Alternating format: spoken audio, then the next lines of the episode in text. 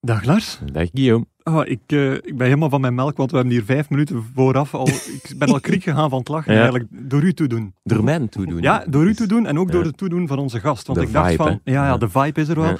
Ik dacht zo van, na Yves van der Hagen, Jeff Delen, misschien is het tijd om eens een, een rustige, actuele maandag te hebben. Maar Ja. dan kijk ik eens naar onze gast, die ons al volledig strijk heeft doen gaan. Ja. En dat zal er niet in zitten, denk ik. Hè? Nee, maar dat is goed, hè? Make Dus- Monday great again. Make of hoe Monday great again. Alex Ah, ja, Agnew? Ja. Dat is heel goed. ja. Oké, Shotcast, aflevering 33 met de onnavolbare Dave Peters. Shotcast, nog steeds de voetbalpodcast van Het Nieuwsblad.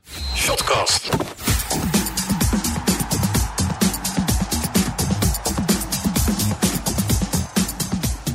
Dave. Hey, het is niet meer een pseudoniem, hè, want eh, jullie weten het verhaal van. Gerardus. Ja, ja, ja. ja, ja. Het is nu echt eh, Dave ook, hè? Moeten we even, moeten we Ja, even je moet- toelichten? Hij kan daar niet goed tegen. Of hij kon daar niet goed tegen. Jawel, jawel, jawel, jawel. Maar Lars, kan jij het even toelichten? Goh, wat ik me altijd laten vertellen heb, is dat er op uw paspoort eh, Gerardus Peter staat. Ja, maar dat is gewoon een eh, verhaal van elke eh, ja, van Nederlandse origine zijnde medemens. Ja. Die eh, vader dan toch. Die hebben hun... Op ons eh, slaat het meteen De eigenlijk. namen van de grootouders, die staan voorop op het paspoort. Ja. En dan de roepnaam is eigenlijk pas derde. Waardoor dat met afstuderen, met, met eh, post van de mutualiteit, van alles. Dan krijg je van alles heel veel misverstanden. Als je een eh, ander land wil binnenkomen, eh, New York of zo, is dat een Mhm. heel echt probleem. Dan word je apart genomen. Het is geen land, Ja, ja, dat maar you say Gerard. ah ja, oké, dat. You say, you, yeah, you say Gerardus, but uh, you say David, what's it? You're not coming in the US.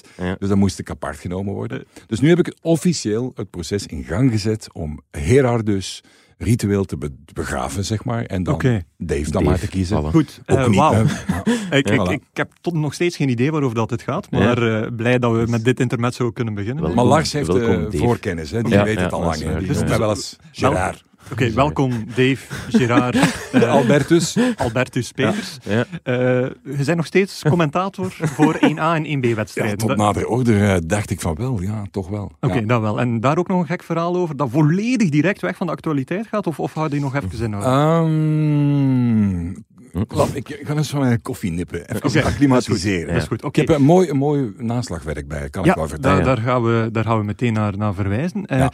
Misschien eerst een, een andere kleine anekdote. Dave, ik denk dat jij letterlijk de eerste gast, het is ondertussen wel de vierde passage, eh, maar de eerste gast bent die zei van, nee, ik wil absoluut een uur vroeger beginnen, want ik ben bang dat ik anders mijn ei niet kwijt ga kunnen. Dus dat, dat komt erop neer dat we nu een, een slot hebben, potentieel, ik zeg potentieel, Ja. moeten er niet naar mikken, alsjeblieft niet zelfs, van twee uur en een half. De, stru- Oh, ja. struisvogel, hè. Ja. Dat Ja. hem eh, Ja. Dat is eh, peanuts, hè, want wij raken niet uitgepalaverd over eh, de mooiste bijzaak. Maar Ja. dat komt eigenlijk wel. Ik had eigenlijk Ja. een interview na dit eh, mooie programma, na een Ja. Eh, ik mag nog niet zeggen met wie, maar het is, een, eh, het is iemand die veel doelpunten maakt en misschien wel meer dan Wesley Sonk in de Jupiler, in de Jupiler Pro League. Maar het is verschoven naar morgen. En als ik hier dan zit, waarom vroeger beginnen? Ik vind het niet tof. Hè? Jullie zijn toffe gasten om dan te babbelen en dan te moeten kijken naar de klok. Dat is niet tof. Nee, hè. ja, nee. Dat is niet Eh, tof, nee, nee, dat is niet tof. Nee. En het is ook al niet tof om een aflevering van 2,5 te monteren.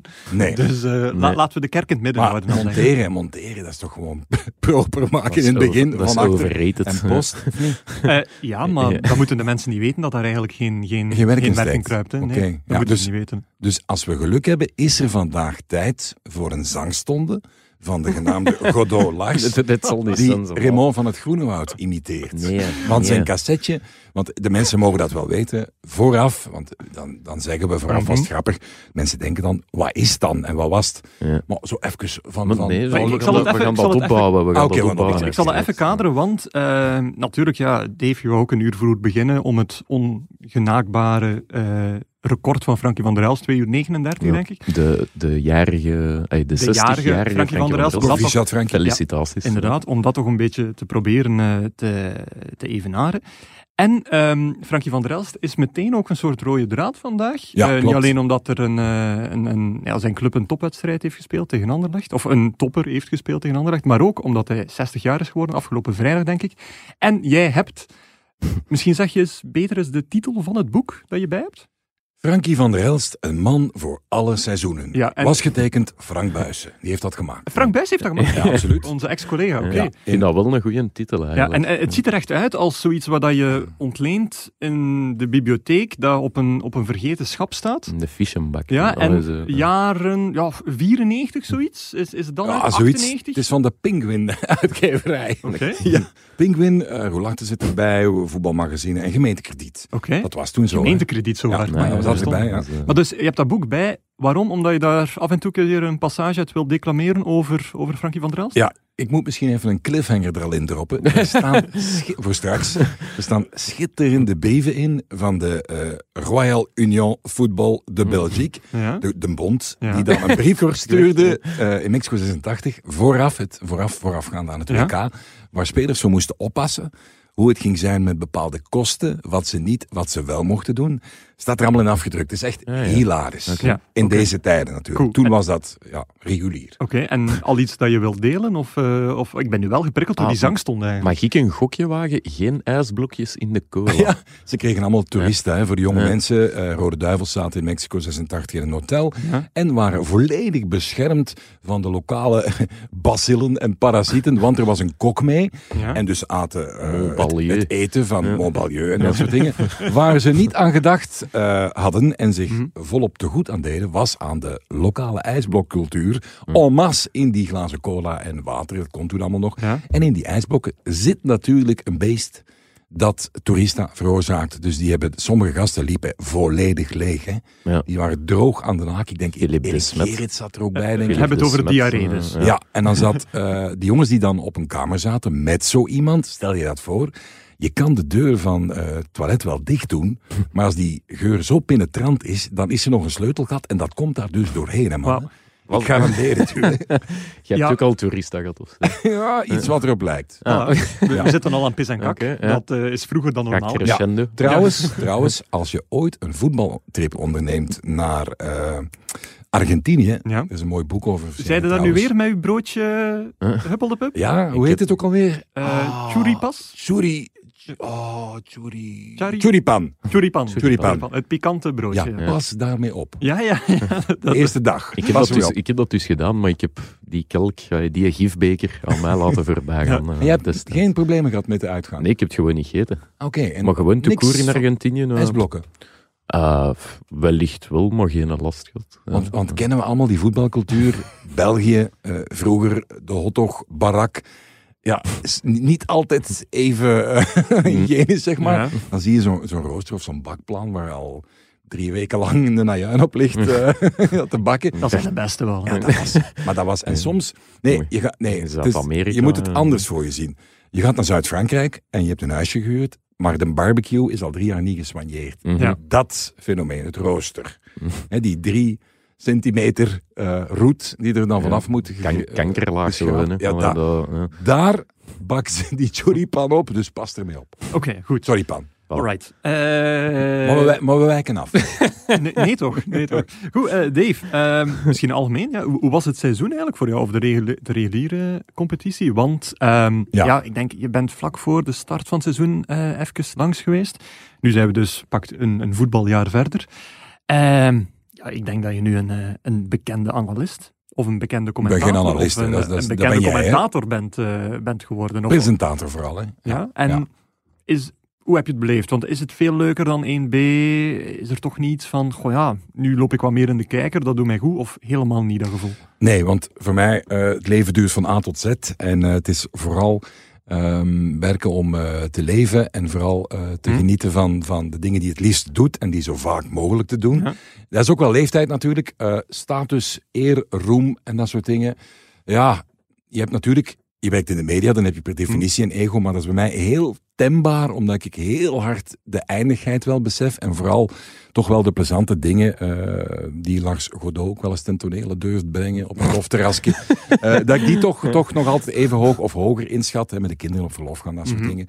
Dus ja, ik heb daar eerlijk gezegd niet, zo, niet zoveel last van. Ik wil me gewoon amuseren en ik Ja. ben verliefd op mijn job, ik vind dat heel plezant. Ja. Maar eh, ik hoef niet per definitie herkend te worden als ik zes pistolets Mm. bestel bij een bakker. Ja. En, wat heel veel jongere luisteraars niet weten, ja, ik heb van 2005 tot pakweg 2012 dit al heel lang gedaan. Met heel veel Mhm. studioprogramma's toen voor Belgacom TV.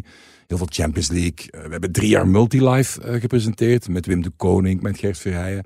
Maar goed, dat is allemaal in- al in de oertijd eigenlijk. Hè. Eh, ja. en dan heb ik lang 1B. Dus voor veel Ja. mensen zullen waarschijnlijk denken aan... Die komt dan ineens van 1B, maar het is een beetje anders. Dat het Maar het was heel plezant. Alright. En heb je het gevoel dat je nu ja, opnieuw met een vergrootglas eigenlijk bekeken wordt? Dan misschien mensen sneller je gaan analyseren, omdat veel meer mensen natuurlijk kijken, dat je misschien meer kritiek krijgt of net meer complimentjes?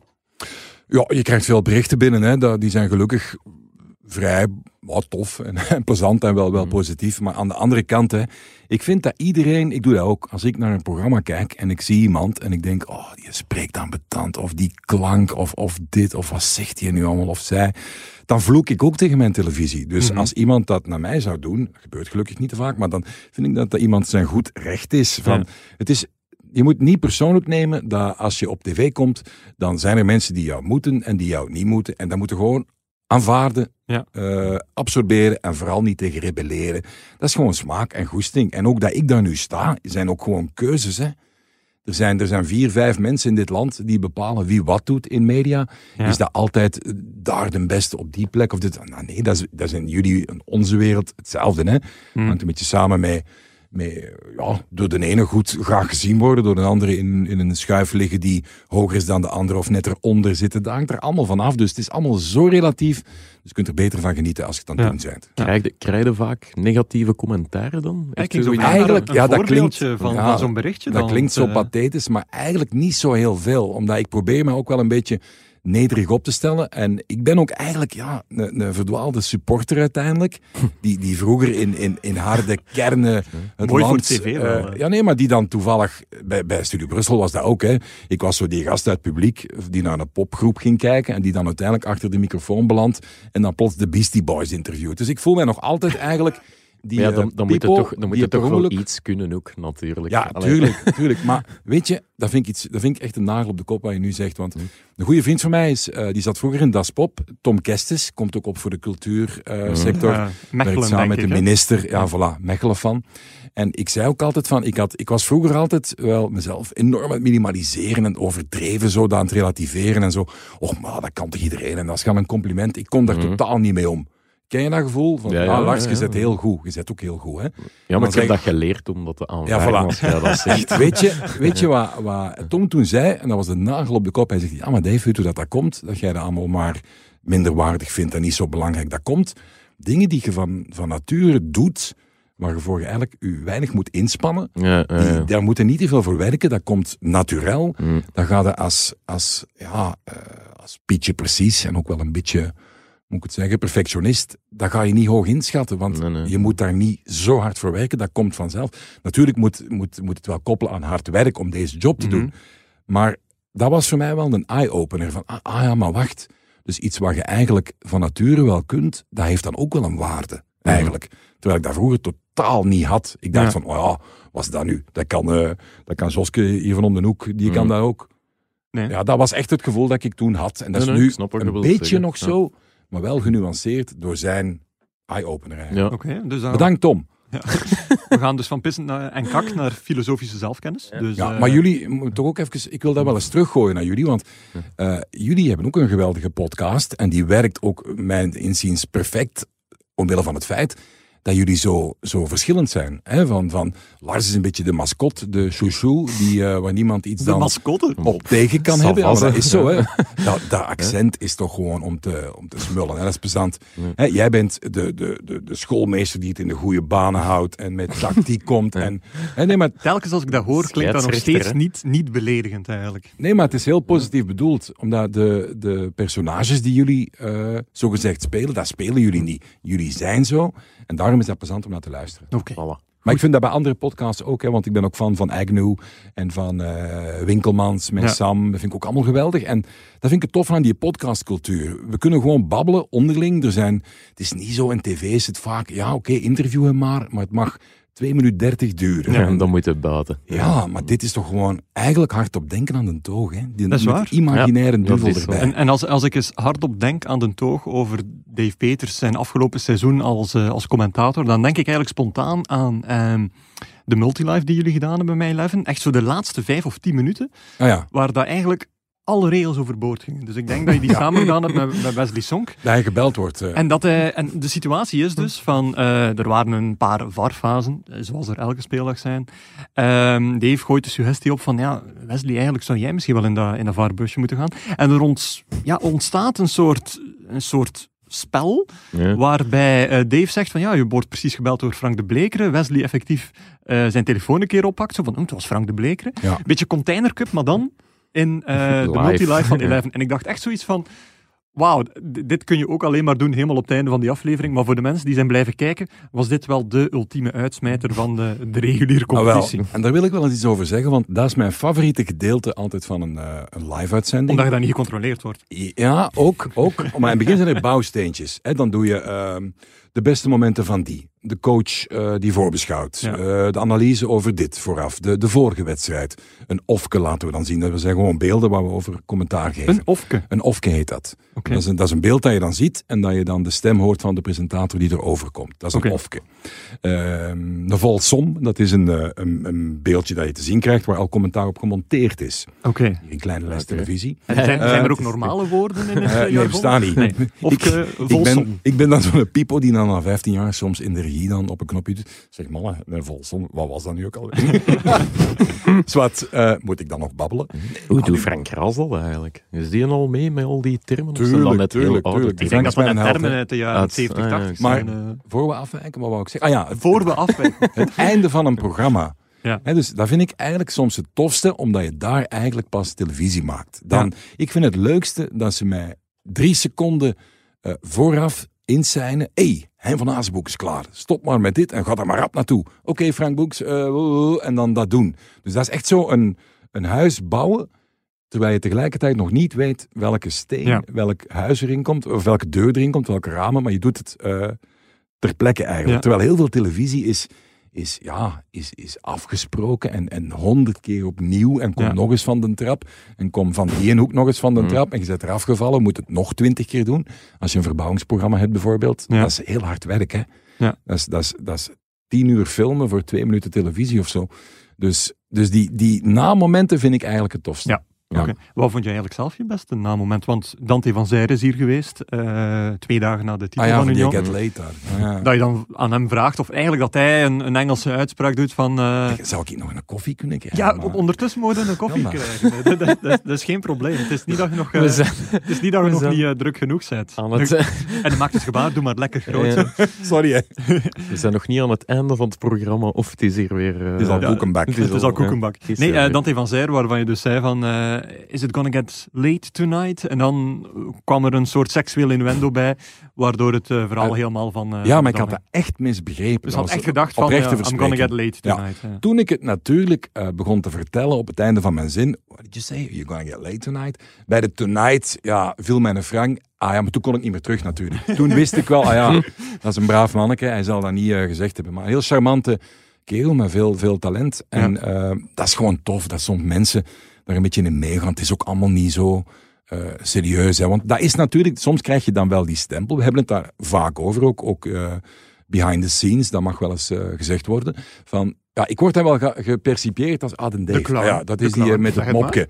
Maar bijvoorbeeld, dat is ook perceptie. Want soms is dat 1% van de 99, maar doe je het 1% wel, dan is het in de perceptie 100% zo. Ja. Moet je mee leven. Gisteren bijvoorbeeld, denk ik, bij Club Anderlecht, dat ik met 100% enkel eh, sportieve dingen heb gevraagd. Ja. Dus je moet daar niet in overdrijven, een leuk eh, even of een goed evenwicht zoeken. Maar soms denk ik ook dat er iemand thuis zit die ook wel eens blij is als er eens één van de twintig vragen is afwijkt van waar dan een antwoord op komt van match per match. En ja, en er zijn geen kleintjes en, en tandje bijsteken en match eh, dit en de bal is rond. Ja, ge- geef toe. Hè, Soms zijn er, zijn er analisten die hebben waanzinnig leuke, geweldige theorieën. Ja. Als ik van Hazebroek of, of Clement of Company, als ik die hoor vertellen over... eh, en, en, en Haaien ook en Peter Maas ook, maar over, over goede tactische uiteenzettingen vind ik dat geweldig. Echt snoepen, hè, want je houdt er ook van. Eh, Maar- eh, Ja. the record show dat je naar mij wijst en niet Ja. naar Lars. Ja. Ja, maar als het ophoudt en je voelt na twee, drie vragen dat het echt op is en er is nog ergens een kans zonder het te forceren, want dat is heel belangrijk, ja, dan kan er wel eens een lolletje bij. hè. ik, heb, ik heb daar nog het ultieme voorbeeld Richie de. Laat was van, eh, geweldig na de derby. Oké, ja, we- doe het eerst maar dat. Ik had een ander voorbeeld in mijn, eh, Oké, dus, dus Richie, dus we hebben, we hebben echt al perfect vier of vijf mensen sportief. Alles is verteld. Die penalty, niet penalty, VAR, niet, wel. En op het einde, eh, ik had een artikel gelezen, denk ik, met Richie. En eh, je kent de spanning tussen mauve-wit en rood-wit. eh, dat kennen Mhm. jullie, hè? Wow, nog nooit van gehoord. Antwoord en Beerschot, dat komt niet overeen of zo. Dus ik refereerde aan een, aan een krantartikel waar hij in stond, waar het over ging dat de kinderen geen, geen mauve mochten, mochten dragen, want Ja, het is dan paars beerschot. Voor eh, Ja, mensen die algemeen Nederlands Paars-wit, voilà. Ze, zij, zij zeggen zelf mauve, dus ik probeer het dan te eerbiedigen. Ehm, en ik zei van, ja, klopt dat nu? Dat is allemaal een beetje overdrijven. Oh, dat is niet waar. Dat. Ik, zei, ik zei van, ja, want ik wilde eigenlijk vragen, want het ging ook over zijn afstandsbediening. Ik zeg, stel nu, en ik schiet in de lach tijdens ik, dat ik de vraag stel. Over zijn zeg- afstandsbediening. Ja, ja, ik zeg, stel nu dat je aan het tv kijken bent en het volume staat op 13 Ja. en de batterijen zijn net op. Wat dan? En de Richie poneert daar de eh, legendarische woorden. Ja, Dave, dat maak ik maar een televisie buiten. Hè? ja, maar dat iemand dat zo... Naar het, het stamnummer Stamnummer van van Beerschot. Ja, Dus, voilà. eh, ja. Dus, dus dat iemand op die manier zo ad rem kan zijn, ook na een prestatie waar de spanning vanaf is, er, er is geen heet hangijzer meer, er is geen, meer, geen stress meer of geen belangen, dat iemand dan woordelijk zo uit de hoek kan komen, Mm. dat vind ik wel mooi, dat dat af en toe eens kan. Maar vooral die perceptie, Het is ook een mooie voorzet natuurlijk. Allee, Ja, het is een goede vraag. maar je Allee, moet hem om- wel binnenkomen. Dat is hè. waar. Ja, dat is waar. Dus ik, ik moet eerlijk toegeven dat ik soms mezelf al wel eens wat inhoud. Omdat Mhm. die, eh, als je het één keer doet, 2% zijn er die zeggen, oh ja, maar ja, oh, dat is, hè, zoals Mhm. ik daarnet zei, doe je het helemaal niet. Ja, dat is, het is vooral wat we het er net over hadden. Ja. Hoe mensen je zien, heb je niet onder controle. Dus, dus mensen mogen jou goed of slecht vinden, of mogen het ambetant of lollig of leuk vinden. Dat is hun perfecte recht dat ze voor hun tv zitten, het geweldig vinden, of een glas tegen, tegen het scherm gooien. Dat is allemaal hun goede recht. Ah, wel, daar, daar nog over. Ah, wel, ik ging u net vragen, Een- eigenlijk een- van, eh wilde Goed recht, vertellen? of- goed recht, Een, sorry. een, een gek Ja. momentje was na, na uh, Zulte Waregem Club Brugge. De match waarin uh, Kermenschik bij Club Brugge zo Och, waar ja. tot Ja. scoren kwam. En ik denk zelfs twee keer. Dus man van de match, hij moet dan bij onze goede vriend ehm, na de wedstrijd hè, geïnterviewd worden. Let the record show dat je naar Dave Peters wijst en niet die, naar eh, mij. Ja. Die spreekt, ja, dat was een beetje krakkemikkelig Engels en dat was vooral Tsjechisch. Maar ja, hij deed wel zijn best om in het Engels iets te zeggen. Dus Dave rondaf zijn interview met, hè, ja, Tsjechisch, hè, eh, als je wilt. Er zullen waarschijnlijk nu hè, 100.000 mensen thuis in Tsjechië aan het kijken zijn. Dus hij begint er al zo wat mee te lachen. Er zullen waarschijnlijk honderdduizenden Tsjechen nu aan, aan hun buis gekluisterd zitten, of voor de buis gekluisterd zitten. Je moogt in Tsjechisch iets zeggen tegen, al, allee, tegen dat talrijk publiek. Legioen. En, en Kremenchik begint er inderdaad in Tsjechisch, in Tsjechisch iets te Voor zeggen. niemand. En zo recht, recht in de camera. En hij begint er zoiets te zeggen. Ja, ja, ja, ja. En heeft gedaan. En Dave pakt weer over. Ja, dus dat was eh, in Tsjechisch vijf pintjes en een cola, alsjeblieft. en ik heb daar zo hard mee moeten lachen. Omdat hij totaal niet wist wat er gebeurde. Oh. En dat zijn wel de momenten dat het allee, Ja, een maar er zijn, ook, maken, er zijn ook mensen, niet zo heel veel. Maar maar voor zijn- alles een tijd en een plaats. We Ja, want er zijn ook veel mensen in voetbalmiddens die soms aan touwtjes trekken en zo, die daar absoluut niet, niet tegen kunnen, niet mee om kunnen. Dan denk ik van ja, kijk, dat is allemaal niet kwaadaardig bedoeld. Dat is allemaal gewoon jezelf een beetje zijn. Moet ik mezelf dan muilkorven en volledig veranderen voor één of twee mensen? Ja, ik denk het niet, hè.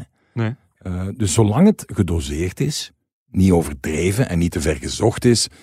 Ja, heel veel mensen reageren dan daar natuurlijk op, maar het is ook geen Mhm. populariteitsprijs. Daar doe ik dan niet voor. Hè.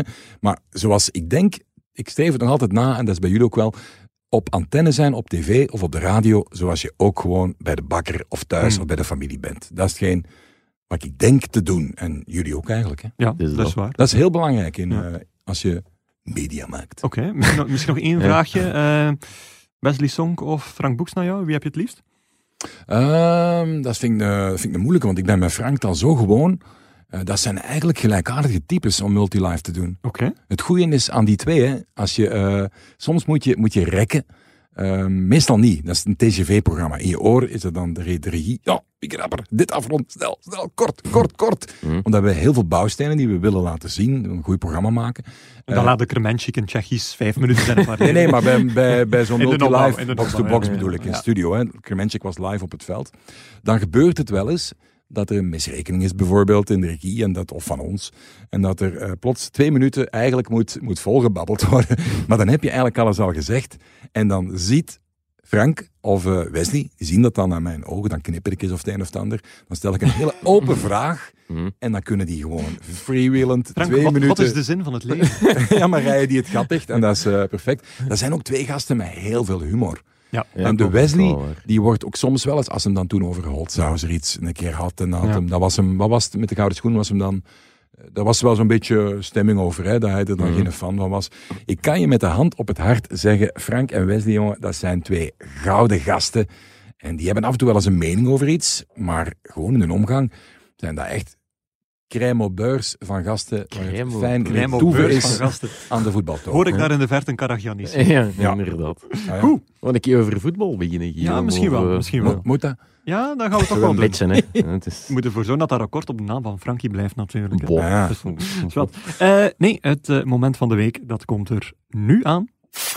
Shotcast. Lange bal op Bas Dost. Oké, Ricky. Daar is Noah Lang. Die speelt hem meteen tot bij Vormer. Dat is goed gedaan. Zit er nog wat in voor Club Brugge. Bas Dost schuift de 2-2 binnen. En opluchting hoor bij Blauw-Zwart. In de laatste minuut van de reguliere speeltijd. Recht toe, recht aan. Lang met het overzicht. Meteen doorspelen tot bij Vormer. En zo zijn alle Nederlanders er weer bij betrokken. Shotcast. Dit was eh, de 2-2. Club Brugge Anderlecht, Bas Dost. Eh, ik denk dat het Philip Krols was eh, aan de microfoon. Eh, fragmentje uit Sports Late Night. Nog steeds powered bij onze goede vrienden van, eh, van Biewen. Die eh, bij Jeffke Delen heb je ze een klein beetje eh, genegeerd, hè Lars? Helemaal op het einde pas genegeerd, onbewust. Maar Onbewust. Ik, ik denk dat er in de Kempen een fietsenwinkel heel content is, want die heb ik onbewust vier of vijf keer vernoemd. Nou, da- daarom Biewen, Biewen, Biewen, Ja, Biewen, Biewen, voilà. Biewen. Is goed. Dan is, het, dan is het meteen weer gedaan. Seizoenstotaal. Ehm, we hebben hier dat fragment gepakt van de 2-2 van eh, Bas Dost. Maar Lars, jij had eigenlijk gehoopt op een, eh, op een ander fragment uit die wedstrijd. Of eerder de Ja. omkadering van die wedstrijd Ja. in handen van Dave Peters. Ja, ik had een gisteren. beetje een, een inside joke mee hem, omdat wij tijdens de eh, opname, de uitzending van Jeffke Delen, het hadden over een vogeltje dat ons iets had ingefluisterd. Ah ja. Wat verwees dus naar hem. En ik Ja. was, ik denk, donderdag of zo, waren we een beetje aan het whatsappen en aan het doen. En hij was er val aan het drinken, ik ging aan de duvel of wat anders. Had ik jou niet zo'n filmpje gestuurd van een inschenk... Ja, ja, ja, ja, inschenkritueel ja. van Ja, een Orval? Ja, exact, hebben bij trouwens. Oké, eh, eh, ik ben wel team Dave dan in Dus deze. ik, ik, ik stuurde dan, ik zeg van, ah ja, oké. hè, eh, hij zegt, ik moet, de zondag moet ik Club Anderlecht doen. Ik zeg, ja wel, drie duvels als je het woord vogeltje heel random in uw, Super voor, makkelijk verdiend. in uw voorbeschouwing ehm, betrekt. Maar het bleek een misverstand te zijn. Hij dacht dat het over de opname van vandaag ging. Dus ik zat gisteren keigespannen te kijken van, ja, het, het, gaat, het kan nu niet lang meer duren. Hè. Nu gaat het komen, hè. nu, nu. Maar het kwam er niet. En dan Nee. heb ik u tijdens de rust Ja, ik, ik, Tijdens de rust een bericht gestuurd. eh, ja, en, enfin, groot misverstand, dus we moeten het eh, met dit fragment doen. Maar- Oké, ja. Er is wel nog, als je wil, eh, ik heb wel nog iets over gevogelte dat aanvullend is bij jullie uitzending met eh Jeff Delen. Over gevogeld. hè. ja, Ja. oké. De, Ja. de grote dierenvriend Chef Delen, want die, die vertelde over zijn, zijn wens om in Plankendaal te gaan werken. Maar daar moest je dan voor gestudeerd hebben, vond ik een geweldige opmerking van hem. Mhm. Eh, en ook zijn bezit van een, van een halve dierentuin in de, in de achtertuin bij hem. Ja. Ja, absoluut. Die, eh, hij heeft de namen niet verteld, want zijn, zijn hangbuikvarken, dat heette socks, dus eh, zokken. Die had de twee eh, witte, witte poten. Hij had ook twee zwarte kiekens en die noemde hij, hou je vast, dat is echt wel niet woke op dit, in deze tijden, maar hij noemde die dus Venus en Serena. maar effectief, en dan had hem Poe, Vermeij, Snel en? Eddy. Poe was zijn rosse kat. Poe. Ja, Poe heette die. Ah, en dan zo de Chris van den Durpel. eh, Ja, Firmijn ook was Ja. erbij. En hij had ook eh, sierduiven. Maar één van die duiven, ja, die had een afwijking. en hij vertelde, één van die duiven Dat dacht... is eigenlijk een trekduif. Ja. Nee, nee, die, die duif dacht dat ze een kip was. En probeerde, Ah, ja, ja, ja, en probeerde te vogelen met zijn kiekes. Dus hij probeerde te, Wow. te copuleren met zijn eh, Hé, maar de- ik, heb dat, Dus, ik heb dat nog wel Dus de duif dacht Ja, dat ze een kip was die Ja. probeerde te vogelen. Absoluut. dan, dan doe je wel je best eigenlijk. Absoluut. Vogelen erin ja. te krijgen. En wat meer is om af te ronden, hij heeft ooit eh, zijn eigen hart bijna moeten breken, want hij moest een, eh, een zieke kip, half Ja. dood, moest hij eigenlijk toch het laatste Euthanaseer. tikje ja, ja, Ja. geven met een eh, spade, Oei. welgemikt. Ja. Ja. En toen, daar is hij lang niet goed van geweest, want het was een schoon beestje. Maar het moest om ze uit de lijden te verlossen. Oei. Eh, En wij maar zeggen dat chef Delen een allemansvriend is. Ja, Die klopt gewoon zijn kiekjes de kop ja, in. Dat is wel Ja, maar dat was, dat was echt Uit het lijden verlossen. Ja, Oké. ja, ja. Een wake-up call toch wel voor ons. Ja. Om niet meer zomaar mensen te vertrouwen op hun, Ja. op looks en hun voorkomen. Ja. Zeg, en nog één ding. Nog maar dat- één Ja, ding, dat had hij niet verteld. En dat moeten jullie wel weten. Ja. Jullie hadden het over zijn witte piekjes. Tijden van verbroedering geel. Ja. En zijn geblondeerde haar. De, carrière, de, festi- de Festina-koep. Ja, Festina heeft, hij ook verteld waarom dat, dat haar eraf is eh, gevlogen? Omdat het lelijk was. Nee, Ah, ik weet niet, omdat dat daar dacht dat dat een reisduif was. Nee, ik weet nee, het niet. nee. Hij zat in die tijd bij Tiele en daar was eh, de genaamde Jacques Dreesen was daar eh, de coach. Oké. Ex-Patro IJs, ik denk ook nog even bij Lommel. En die kwam eh, op training, een beetje à la eh, die gast, die, die Passarella, die had dat ook met de Argentijnen. Ja. En die kwam op training en die zei van, hé mannen, dat is hier geen rockconcert, hè. Naar de kapper en nu.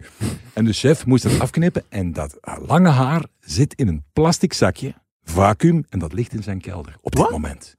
Dat, dat geloof ik echt niet. I kid you not. Waarom vertelt hij hem dan niet eigenlijk? Ja, maar- Dat is, de, dat, dat is ook een beetje wat we buitenspel altijd moeten doen. Zeg maar, dat Rubriek het zo nieuwsblad. Wat seriemoordenaar verhalen Ja, zijn. nee, maar dat, Eh, dat eh, zijn... Dus je eerst dat kieken en, nu, en, uw, en uw Ja. haar van 20 jaar oud dat, dat in zijn kelder Als ik, als ik één tip mag geven, dat komt altijd natuurlijk Komt nooit uit pas- zijn kelder. Nee, maar bij, bij bijvraag 38 komt dit soort, soort info. Maar dan moet je tijd hebben Wat, natuurlijk. Bijvraag 38 van wat? Ja, van zo'n zo'n Van zo'n verhaal gesprek, ja, ja. Ah, van, van een interview, oké. Ik dacht Ja. al van een gekke quiz of zo.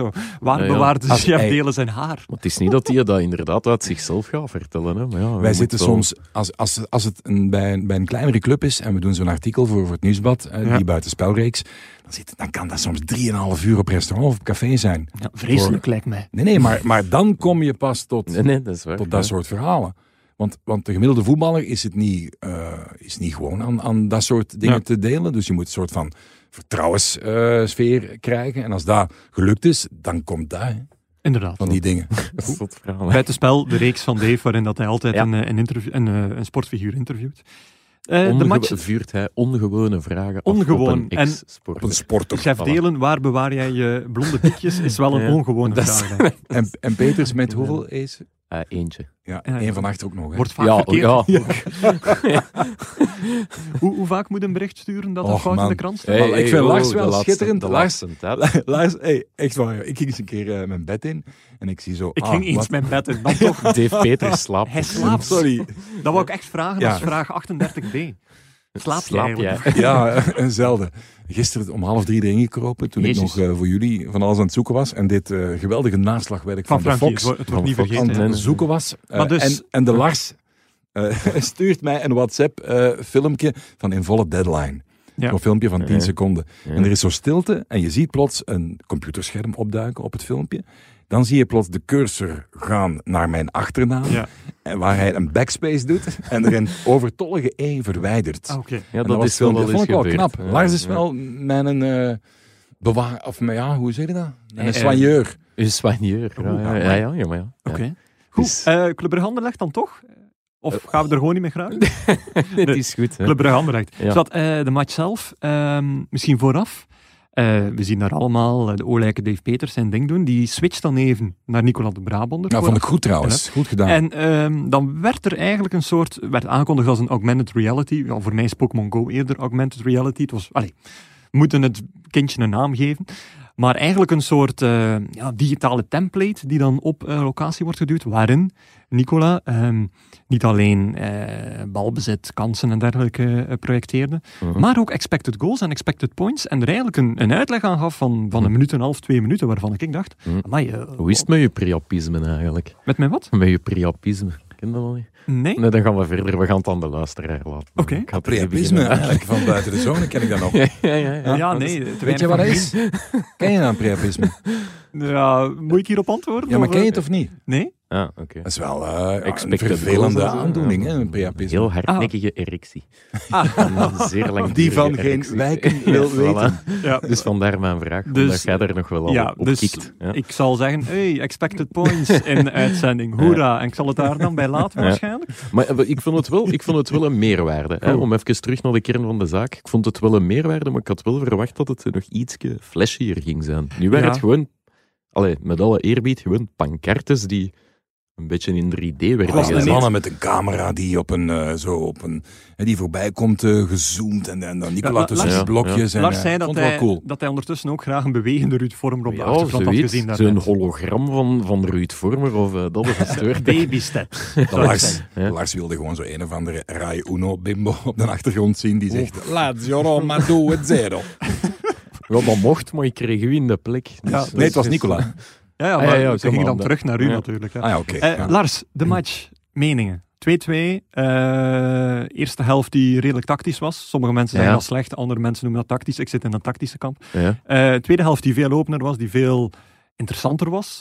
Ehm, en uiteindelijk misschien een wedstrijd die op een Bil- logisch resultaat, Billig, billig op een gelijkspel. logisch resultaat is geëindigd. Dat Of- vond ik wel. Ja. Vooral in de eerste helft was ik wel wat ehm, ja, verbaasd of verrast door de, door de evolutie dat Anderlecht wel een beetje heeft meegemaakt. Mhm. Ik denk dat ze door Kosunu op het midden te zetten bij Club Brugge, dat ze dachten we gaan ze overpoweren of we gaan ze vastzetten op die manier, want het is niet zo heel goed uitgepakt. Nee, het was en echt... ik vond ook natuurlijk, ja, sorry, dat Ja, ja, ja, uiteraard zitten van achter met Mitrovic, dat is lang geen matta. En in combinatie met Van den Bremt, dat, dat zat er niet zo heel goed in Je zag dat die combinatie er nog niet helemaal uitkwam. Hm? Eh Anderlecht heeft dat ook heel goed opgevangen in balverlies met, met een platte 4-3-3, zoals we dan zeggen, waarbij eh eh Sambi Lokonga centraal bleef, Terbel en eh Ashimero echt in balverlies bijna tegen die flanken aanduwen, omdat Mhm. Brugge probeerde ook echt wel via die flanken Ja. eh, op te bouwen, omdat je daar een meerderheid kunt, kunt creëren. Ehm, maar ze vervielen al heel snel in die, in die lange bal bij Club, omdat Mhm. dat zo goed vast stond bij Ja. Anderlecht. Compagnie zei wel van, ja, we stonden veel te laag. Ik vond Ehm, dat goed meevallen eigenlijk. In het begin inderdaad wel veel te laag, maar Ja. na 10 minuten was dat echt wel Ja, gedaan. was terwijl je normaal het omgekeerde ziet. Namelijk, een ploeg begint heel Ja. goed en dan begint dat wat, Het- eh, het- wat terug te Het aarden. bleef ook echt wel allee, op Daarop- hetzelfde nageltje Ja, kloppen. heel hè. een tijd, Het was, ja. eh, ja. Maar bij Club zag je uiteindelijk van ja, ehm, de, de persoon met de minste balcontacten na een half uur was Bas Dost. Ik denk dat het letterlijk zes waren. Zes balcontacten is heel weinig. Mhm. dat, moet je, dat moet ik keer proberen in 30 minuten Mhm. om dat te fixen. En de persoon met de meeste balcontacten, een stuk of 33, Simon Mignolet. Eh, hij was ook de op één na eh, speler met de meeste ontvangen passes. Waarvan dat je dus moet eigenlijk redeneren van ja, een verdediger of een middenvelder die terugpast naar hem. Mm. Omdat er gewoon geen mogelijkheid is tot doordraaien. Van Aken was ook te weinig in het spel betrokken. Van Aken en Vormer eerste helft. eh, Nee, jawel, maar dat komt ook omdat het tactisch zo goed stond. En Mhm. ja, iedereen houdt natuurlijk van dat voetbal in die tweede helft. Maar die eerste helft, daar zie je eigenlijk echt van, daar is de maturiteit van Anderlecht nu in. Mhm. En die tweede helft was dan veel opener en dan komt het vaak neer op Elk foutje ja, dat een, werd be- afgestraft. een beetje geluk, ja. een beetje individuele Mhm. kwaliteit, een, beetje, een beetje snel handelen. Mhm. Dus, eh, ik weet niet, Dave, hoe kijk jij dan naar zo'n match? Want wij horen jou natuurlijk niet tijdens die twee keer 45 minuten. Zitten dan ook dan heel aandachtig naar te kijken? Of, of Wel, het eh dubbele is, wij zitten daar op eh, rij 1, want er is eh, jammer genoeg nog altijd geen publiek. Dus op rij 1 op een, op een stoeltje zit je op de, Ja. op de hoogte van de spelers, wat niet evident is, aan, aan één kant van de baklijn, zeg maar. Maar de spelers zitten nu eigenlijk aan in de rechterkant. Ja, maar wij zitten, ja, voilà. Maar zitten de spelers, ja, de, Ja, helemaal de bank, beneden ja. zit ik dan, maar aan de rechterkant, dus de hoogte van de ene baklijn. Eh, je hebt in-ears, eh, oortjes waar je... In-ears. In-ears heet dat. Waar, eh, ja, in-ears, oortjes. Hè. Dan krijg je daar een Waar- ofje. Ja, waar dan in gebabbeld wordt. Eh, er zit iemand naast je, een klank. eh, technicus eh Nicola zat bij me. Dus er zijn heel veel prikkels. Je ziet die wedstrijd. Je kijkt ook naar de eh, coaches. Wat doen ze? Je noteert tegelijkertijd bepaalde kansen. Want als je één ding mist, kan een repercussie hebben op een bepaalde vraag die je niet moet Mhm. stellen. Dus dat is een, echt een, ja, dat is echt een, een ADHD-job. hè. Dat, is- Ja. dat is 26 prikkels tegelijkertijd. Dus het gevoel van die wedstrijd is, het is wel goed dat er twee commentatoren zitten en een analist om jouw eh, perceptie en mening aan te toetsen. Ja. Of zit het wel, heb ik dit, dit gevoel wel juist? Ik had wel het gevoel dat Anderlecht, Miesga gaf dat ook goed aan, dat ze na een tijdje ehm, druk kwamen zetten, dat, dat Ja. daar ik vond ook maturiteit een vreemd woord, want ze zijn nog jong. Maar daar, daar schuilde toch al enige groeiende, komende maturiteit in in vergelijking met hoe ze vijf maanden geleden waren. En met die tweede helft erbij was het effectief een wedstrijd die alle kanten op kon. En die situatie had je nooit gehad Ja. in die 3-0 van toen. Toen Ja. was het club Mhm. oppermachtig. En kijken of er hier een, eh, een kruimel eh, Ja. van het bord afvalt, dat Anderlecht dan kan, kan opeten. Maar Ja. nu vond ik, het, vond ik ze echt wel, die evolutie vind ik wel waanzinnig. Ja, en dat druk zetten, dat is eigenlijk, Ja. eh, om nu heel technisch te worden, dat noemen ze in het jargon de pressing trigger. Dus Ah, ja. een, een ploeg, Ja. geen enkele ploeg kan gewoon 90 minuten hoogdruk zetten. Dat kan niet. Je zit daar fysiek niet voor, eh, voor gemaakt. En eh, ja, er zijn honderden manieren van, van druk zetten, dus die, die hebben een bepaalde regelgeving. En pressing triggers zijn er heel belangrijk in. Namelijk, dat kan zijn van zodra een speler in een bepaalde zone loopt, of van zodra een speler eh, wordt aangespeeld. De linksbak krijgt een bal Ja. toegespeeld en die is En- opbouwend. de meesters Ja. van die pressing, die maak, geven daar dan nog een extra element aan, namelijk als die persoon op die manier wordt aangespeeld. Stel nu, eh Kusunu Ah ja, was duidelijk de pressing trigger van, eh van Anderlecht. Mhm. Als Kusunu bijvoorbeeld de bal krijgt aangespeeld door Vormer, dat hij met zijn gezicht naar het doel staat, dan gaan ze geen druk zetten. Als Kusunu de bal Moet- krijgt aangespeeld met de rug naar het doel. Ja. dan wel. Ja. Dus dat is heel moeilijk voor een ploeg, om, of voor een trainer, om dat bij elf personen, pak nu tien, we houden de keeper buiten beschouwing, om dat daarin geprent te krijgen. En dat Mhm. gebeurt niet op enkele weken. En nu zie je wel van, oké, dit is een, een pressing trigger die, die duidelijk werkt nu. En, en dat is een Mhm. heel knappe verwezenlijking van, Mhm. van Want ze gingen, ze gingen coach club eigenlijk ambeteren. Hè? Want Clement wou het nadien eh, kleiner houden, Mhm. oppassen met, het, met het uitvoetballen. Want dat liep in het begin echt moeilijk. En aan de Anderlecht speelde met, met lef. En ja, Trebel, Samuel Ocon gaat ook niet onderschatten natuurlijk. Hè? Op dat middenveld, daar staat wel wat. Hè? Maar, maar bij club tegelijkertijd zou je ook kunnen denken... Oké, ze hebben een eh, grote voorsprong. Dan is het misschien ook iets gewoon kleins mentaal... Dat, dat plots die vonk volgende week daar weer kan inschieten... zoals het in die tweede helft wel was... En dan kan het weer zijn dat ze terug een pletwals zijn. Dus dat zit er wel in, maar, maar onvermijdelijk. Hè, zoveel winst gepakt, wincultuur zit in die genen. Eh, kijken naar de eindsprint, wanneer is het zover? Kampioen. Mhm. Ehm er moet er maar één, één artiest moet maar even verslappen, bij van spreken, om misschien de motor even te doen stokken. Maar ik geloof nooit dat, dat ze daar niet heel snel ook weer oppikken. Dus volgende Ja, week ja. kan het misschien weer carnaval Oh, het zijn. wordt niet meer spannend, denk ik. Nee, Zou ik, ik zou ze hebben te veel kwaliteiten. Ze hebben te veel kwaliteiten. Ze kunnen, het, het mooie, daar wil ik er wel even aan toevoegen, zo, zo Noah Lang bijvoorbeeld. Hè. Wat ik, daar, ik heb een beeld, ik zag die in, in Europees voetbal. Was het, was het in Rusland toen? Zenit, denk ik? Of was Eh, het? ja, dat kan. Kiev misschien. Was het op Kiev? Het kan altijd. nee, daar was Nee, het dat was, het, was, het was in ieder geval in een, in een koud land. En vroeger, als wij eh, Belgische clubs daar gingen, gingen spelen, dan was het vaak ja, behoudend en misschien eens op een, op een omschakeling rekenen, toch wel voorzichtigheid inbouwen. En hij kwam aan de 16 en die deed een persoonlijke actie naar binnen, buitenkant voetje, nog wat ruimte en met een heel kort zwaaibeen, korte hoek viseren, met heel veel lef op zijn Hollands eigenlijk. En ik dacht Mhm. van, wauw. Hè, dat, dat vond ik wel heel knap, want dat was on-Belgisch dat die Hollander dan plots in dat spel bracht. Als anderen dat zien, kan je daaraan optrekken en krijg je een dynamiek van een elftal dat, dat, dat toch iets meer lef en durving komt. En dat je meer gaat geloven in eigen kunnen. En dan kan je misschien nog verder geraken, want er zijn al zoveel kwaliteiten. Hmm. Hè, met Vormer, met Van Aken, met Dost, met, met Lang. Dat zijn heel goede ploegen. Mhm. Dat ligt toch niet aan het feit dat dat een Nederlander is? Ja, pas op. Ik, ik, Ja, ik snap maar wel wat hij is een lefgozer qua... Moet op letten. ik, ik dat is- vind dat nu- allemaal redelijk clichémaat. Ja, maar dat is, dat is een afwijking van mij, het korte zwaaibeen. Als je naar binnen komt van aan de linkerkant van de 16, het kattenpootje naar rechts eh, en de verre hoek zoeken. Leandro Trossard doet dat. We kennen heel geen veel... Nederlander, denk ik. Nee, nee, nee, maar we kennen heel veel spelers die zo, die zo eh, trappen.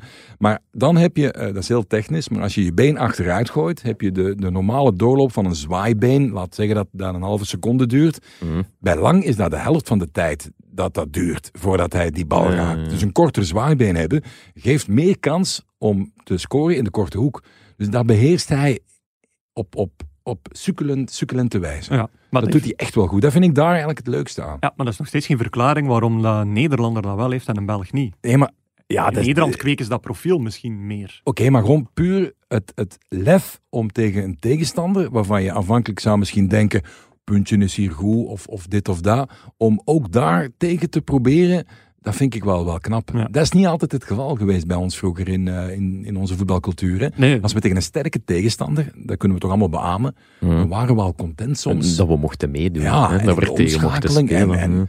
Ik zeg niet dat in Holland allemaal beter is. Belangen niet, want in België lopen evenveel gasten rond. Zoals eh Noah Lang, die dat ook probeert. Maar nu exemplarisch gewoon in dit specifieke voorbeeld vind ik dat, dat hij dat wel meteen bracht na zijn eh, aankomst eigenlijk. Weken nadien, Ja, dagen nadien al. Sowieso. Dat is maar toch knap? Als we, als we dat een keer breder trekken, gewoon voor de oefening. Stel nu, eh, Rode Duivels, Mannschaft, eh, La Roja, alle andere top, Les Bleus. Les Bleus, allemaal, die spelen even zonder shirts. Ze hebben allemaal geen gezicht, herkent ze niet. In de jaren tachtig zouden we effectief wel kunnen zeggen van, ah ja, dat is Frankrijk, dat is Spanje, dat is Duitsland, dat is België. Nu kan dat gewoon niet meer. Nee, dat is eigenlijk gelijk, eh, bijvoorbeeld zoals de, de ehm, hoe moet ik het zeggen, de eh, fabricage en de ehm, totstandkoming van automerken, wagens. Oké. ja. nee, maar kijk, vroeger was Ja. een Saab was een Saab en een Volvo was een Volvo en, en, en, en een Mazda was een Mazda. Maar Mhm. tegenwoordig, dat is toch een beetje het, hè, als je nu wagens ziet rijden, die hebben allemaal min of meer dezelfde lampen, kenmerken. Dat is misschien een kromme vergelijking, maar je snapt wel Nee, wat ik bedoel, snap- hè? Ja, ja, Dat ja. is allemaal veel meer hetzelfde geworden. Terwijl dat Ja. vroeger heel anders was. Je zag van, van, van, van 300 meter, ah ja, dat is dat merk. Ja. En in het voetbal was dat misschien ook wel een beetje zo. Dat is, dat is nou, Russisch voetbal. Hè? De tijd dat wij Russisch de, voetbal. Russisch voetbal tegen Belanov en tegen de vader van Jakovenko. Dat is Tegen. Oleg Blochin was het allemaal. Tegen Dasaev. Goh, oertijd. Dat was echt Rusland. Solide. En als er tijd Sovjet-Unie eigenlijk. ja, voor een technisch standje, dan kwam dat wel. Maar toch vooral solide en eh, Mm. 90 minuten lang met huid en haar iemand vermorzelen. Behalve de Rode Duivels, want wij waren beter. Dat is een heel punt voor Dankzij dat zijn. Jean-Marie. Ja.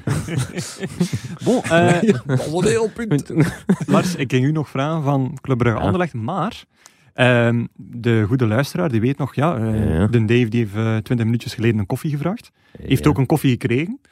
En wij zijn toch Ja. niet van onze positie eh, Nee, nee, nee, nee, verlopen. nee. Dus, eh, Iemand anders heeft dat voor ons gedaan. externe. Jullie hebben geen koffie gekregen. Nee, nee, wij niet. Nee, dus eh, nee, nee. dat gaan we hem nog een beetje beter moeten inprenten. Ja. Maar eh, we, hebben, we hebben nog iemand anders hier, namelijk die vandaag aan zijn eerste dag als specifiek stagiair van Shotcast. Ja, het is een die dag het is, is een effectief gekomen eigenlijk. Ja. Die, Een eh, mijlpaal. Het is een mijlpaal, ja. Ehm, Jarno, Jarno Herftijd, eh, welkom in de studio. Zeg gerust een paar woorden in de micro. Kom al dichter bij de micro. Het moet niet zo onwennig zijn, niet Ja. zenuwachtig De zijn. achternaam is Herftijd. Mayon. Dat is gewoon auteur. Dat is wat anders dan Peters. Hè. Heeft, heeft, heeft dat een speciale etymologie, eh, Jarno, uw achternaam? Ehm, nee, nee. niet Nee, dat weet, niet dat ik weet, maar ik ben er wel trots op. Eh, een naam dat je niet veel hoort, herftijd. Nee, dat is waar. Jarno daarentegen. Ja, Beetje Jarno wel. cliché, hè? Ja, alhoewel, Jarno's, je hebt er niet zoveel. Want Dave verwarde, al- ver- verwarde mij al met Janko. Ja. Wat ook een super gangbare naam is. Ja. Heeft ook wel de look van een stagiair natuurlijk. Een, en een outsider, hè? Ja, Wat? van Anderlecht. Een Ah, outsider, Ah ja, juist, want eh, Jarno, Ah, de eh, kern Anderlecht. normaal... eh, Het is voetbal, hè, jongens. Ja, wij, Eh, wij, wij, pro- wij proberen onze, onze voetbalvoorkeuren niet echt eh, breed uit te Nee. smeren, maar eh, je waart wanneer? Vorige maand even bij ons op gesprek Ja. van Ciala. En na vijf minuten zei hij eigenlijk al van ja, ik ben eigenlijk een ex-hooligan van Nee, Anderlecht. nee, geen hooligan, geen hooligan. Ik zit, ik zit wel... Wij hebben dat ervan gemaakt. hè. ja, ja, dat hebben jullie ervan gemaakt. De kan langs dat is dan een dan pollen het ontsmetten. Eh, zeg maar. Jarno. Eh, ja, maar ik, ga, ik ging vroeger heel veel op verplaatsing met Anderlecht, met mijn vader. En eh, ja, nu heb ik een moment op Anderlecht. En eh, ik zit daar ja, eh, in de N14. Dat is, eh, ja, daar is, De geheime service Ja. van... daar is nog zo echt zo de Engelse dienst, sfeer. eh, Oké, en, ja, De- definieer Engelse sfeer. Ja, er wordt Engels liedjes gezongen alleen maar eigenlijk. Geweldig. Ja. Geweldig. Ik vraag me dan wel soms af, van iemand die van Engeland komt, die pikt hier dan een eh, voetbalwedstrijd mee en die hoort alleen maar in zijn moedertaal eh, liedjes eh, Ja. gezongen worden. moet toch raar zijn eigenlijk? Waarschijnlijk wel. Hè? Voor een Engelsman. Specifiek. zijn er veel Engelstalige Anderlecht-fans bij u in de N14? eh? Ja, nee, nee, maar dat is gewoon ja, de Engelse sfeer. Dat is, in andere, andere ploegen heb je dat ook nog. Dat er zo echt ah, alleen, alleen die typische Engelse Ja. liedjes gezongen wordt. Oké, goed. Nu, eh, gisteren Club Brugge Anderlecht, 2-2 Ja. in, in een van de laatste minuten. Dan grijpte hij u naar eh, de haren. Ik. zeker en vast. Want ja, toen Bruren Larsen die bal er heel mooi eh, intrapte, Heel knap, eh, toen ja. dacht ik van ja, het, het kan nog spannend worden, de competitie. Ja. Want ja, je weet nooit, hè, als Anderlecht wint, komt je op zes punten. Mhm. Wie weet, het zijn, nog, het zijn dan nog vijf matchen. Maar ja, nu denk ik dat, denk dat die goal van Dost, ja, ik denk dat dat de beslissende treffer was in verband met het, kamp- het kampioenschap. Mathematisch kan het Hey, jongens? Mathematisch kan het Daar wel. valt wel geen speld tussen te krijgen, de heldere glas. Ah wel, kijk, maar dan, Zuivere analyse. dan, dan geef ik meteen het podium aan Jarno. Jarno, jij wilt heel graag eh, commentator worden uiteindelijk. of of klopt, dat is klopt, een van de ja. mogelijke pistes. Ehm, je zit nu naast eh, iemand die het Ja. vak bij wijze van spreken heeft, eh, heeft uitgevonden. Als je nu één... Als je, Wow. Of dat maakt hij ons toch wijs nog. Daar is hem, daar is hem. Het is alweer Nico Klaassen. Oké, ja, kijk, voilà, heel gek. Als je nu één vraag die altijd op je lippen gebrand stond, zou willen stellen aan iemand uit het vak, stel ze nu of stel ze aan, nooit, aan zou ik Dave zeggen. Peters. Onvoorbereid. Ja, Specifiek. ik heb de vraag ook aan jullie daar straks gesteld, maar Dave, eh, heb jij soms stress voor eh, een opname? Ehm, eigenlijk voor het werk aan zich niet. Maar dat is puur, dat is gewoon een beetje ervaring, denk ik. Want in het begin zal je dat wel hebben. Maar wel, ehm, bijvoorbeeld, eh, zit er een stofje in mijn oortje, komt er een communicatie niet, niet door, eh, pff, werkt er iets niet of dit of dat. Dat zijn eigenlijk, de, gelukkig werkt meestal alles. Maar dat zijn wel de, de punten waarop je wel kan stressen, omdat je hangt soms wel af van iemand die jou iets moet vertellen in je Ja. oor. Van, moet je dit interview al aankondigen? Moet er een ander, een ofke komen? Of een vol som? Hè? Eh, en als je dat niet weet, dan moet je improviseren. Maar daar hou ik dan ook wel weer van. Dus eigenlijk, weet je wat, het is, het is eigenlijk eh, het beste eh, wat ik je kan meegeven, is eigenlijk heel simpel. Als je dat vak doet en je hebt na een jaar nog altijd het gevoel van, oei, ik ben hier in stille dood aan het eh, sterven ieder weekend, dan zit je niet in, de, in het juiste vak, denk ik. Dus als je dat 10, 20 keer, dan, dan komt er wel een soort van rust over je heen. Eh, ik kijk naar Lars. Lars, weet je nog dat ik jou eens geïnterviewd heb? ja, ja. ja, ja. bij Nostalgie. Ja, en je ja, was dat weet ik nog. kei nerveus. Ja, ja. En je, ik was ik In mijn vol, vol geloof. meer in zweet dan anderen. ja, want ik geloof in Lars, hè, jongen met veel capaciteiten. En die stond er. En als je daar Twee nu... of zo. Nee, maar, nee, maar als, als je nu het verschil ziet, van het gevoel wat je nu hebt, vergelijk dat eens met wat je De toen bange had. kwezel toen. Vergelijk dat eens qua, qua buikgevoel. Ja, ja, nee. Meer op je gemak, hè. Ja, Ja, voilà. ja, dat is waar. Nu denk je toch niet over de omstandigheden. Ben jij nu nerveus, eh, lieve stagiair? Eh, nou, ik heb mij wel op mijn gerust gesteld. Ah ja, voilà, voilà. Ja. Het is niet zo moeilijk uiteindelijk. hè. Nee, het is niet Nee. zo moeilijk. En als je eens uit de boord gaat, of er gebeurt iets niet goed, of loopt iets fout, het is ook maar dat, hè. Ja. Er zijn eh, ergere dingen in het eh, leven. Ja, dat is. Eh ja, nou satisfied met dit eh, antwoord? Ja, zeker en vast. Oké, goed. Eh, Lars, jij satisfied met eh, het debuut van Bart Verbrugge bij Anderlecht? Om even heel forceerd terug naar Anderlecht te gaan? Ehm, ja, eigenlijk wel. In die zin, ja, echt op de proef is hij niet gesteld. Nee, in die dus zin dat hij Jonge geen Nederlandse jonge doelman. Nederlandse doelman eh, ten koste van Wellenreuter, wat toch, ai, was toch wel De surprise. Ja, surprise van de chef gisteren. Een 18-jarige... Het is wel zo typisch aan zo'n Club Brugge Anderlecht, dat er af en toe een keer eh, een surprise is. Like, O- Kosunu, die eh, had ook al een paar keer op de zes gespeeld, Ja, maar hem dan laten maar starten was toch wel... was toch wel verrassend. ja. En eh, ik heb ook eens een lijstje andere Anderlecht-debutanten, of jonge Anderlecht-debutanten, die net tegen Club Brugge gespeeld hebben, opgezocht. Dan kom je bij namen als Arnstad, die ondertussen naar het achterplan is, eh, is 17 was die verdwenen. zeker. Ja. Eh, Colassin, die uitgeleend is aan, aan Zotte Waregem. Dat was ook niet echt een succesverhaal daar.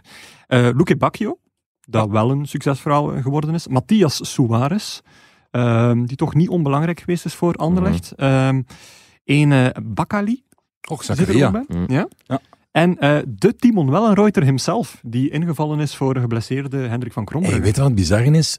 Wij hadden een, eh, een gesprek, denk ik, voor Beerschot eh Anderlecht, denk ik dat was.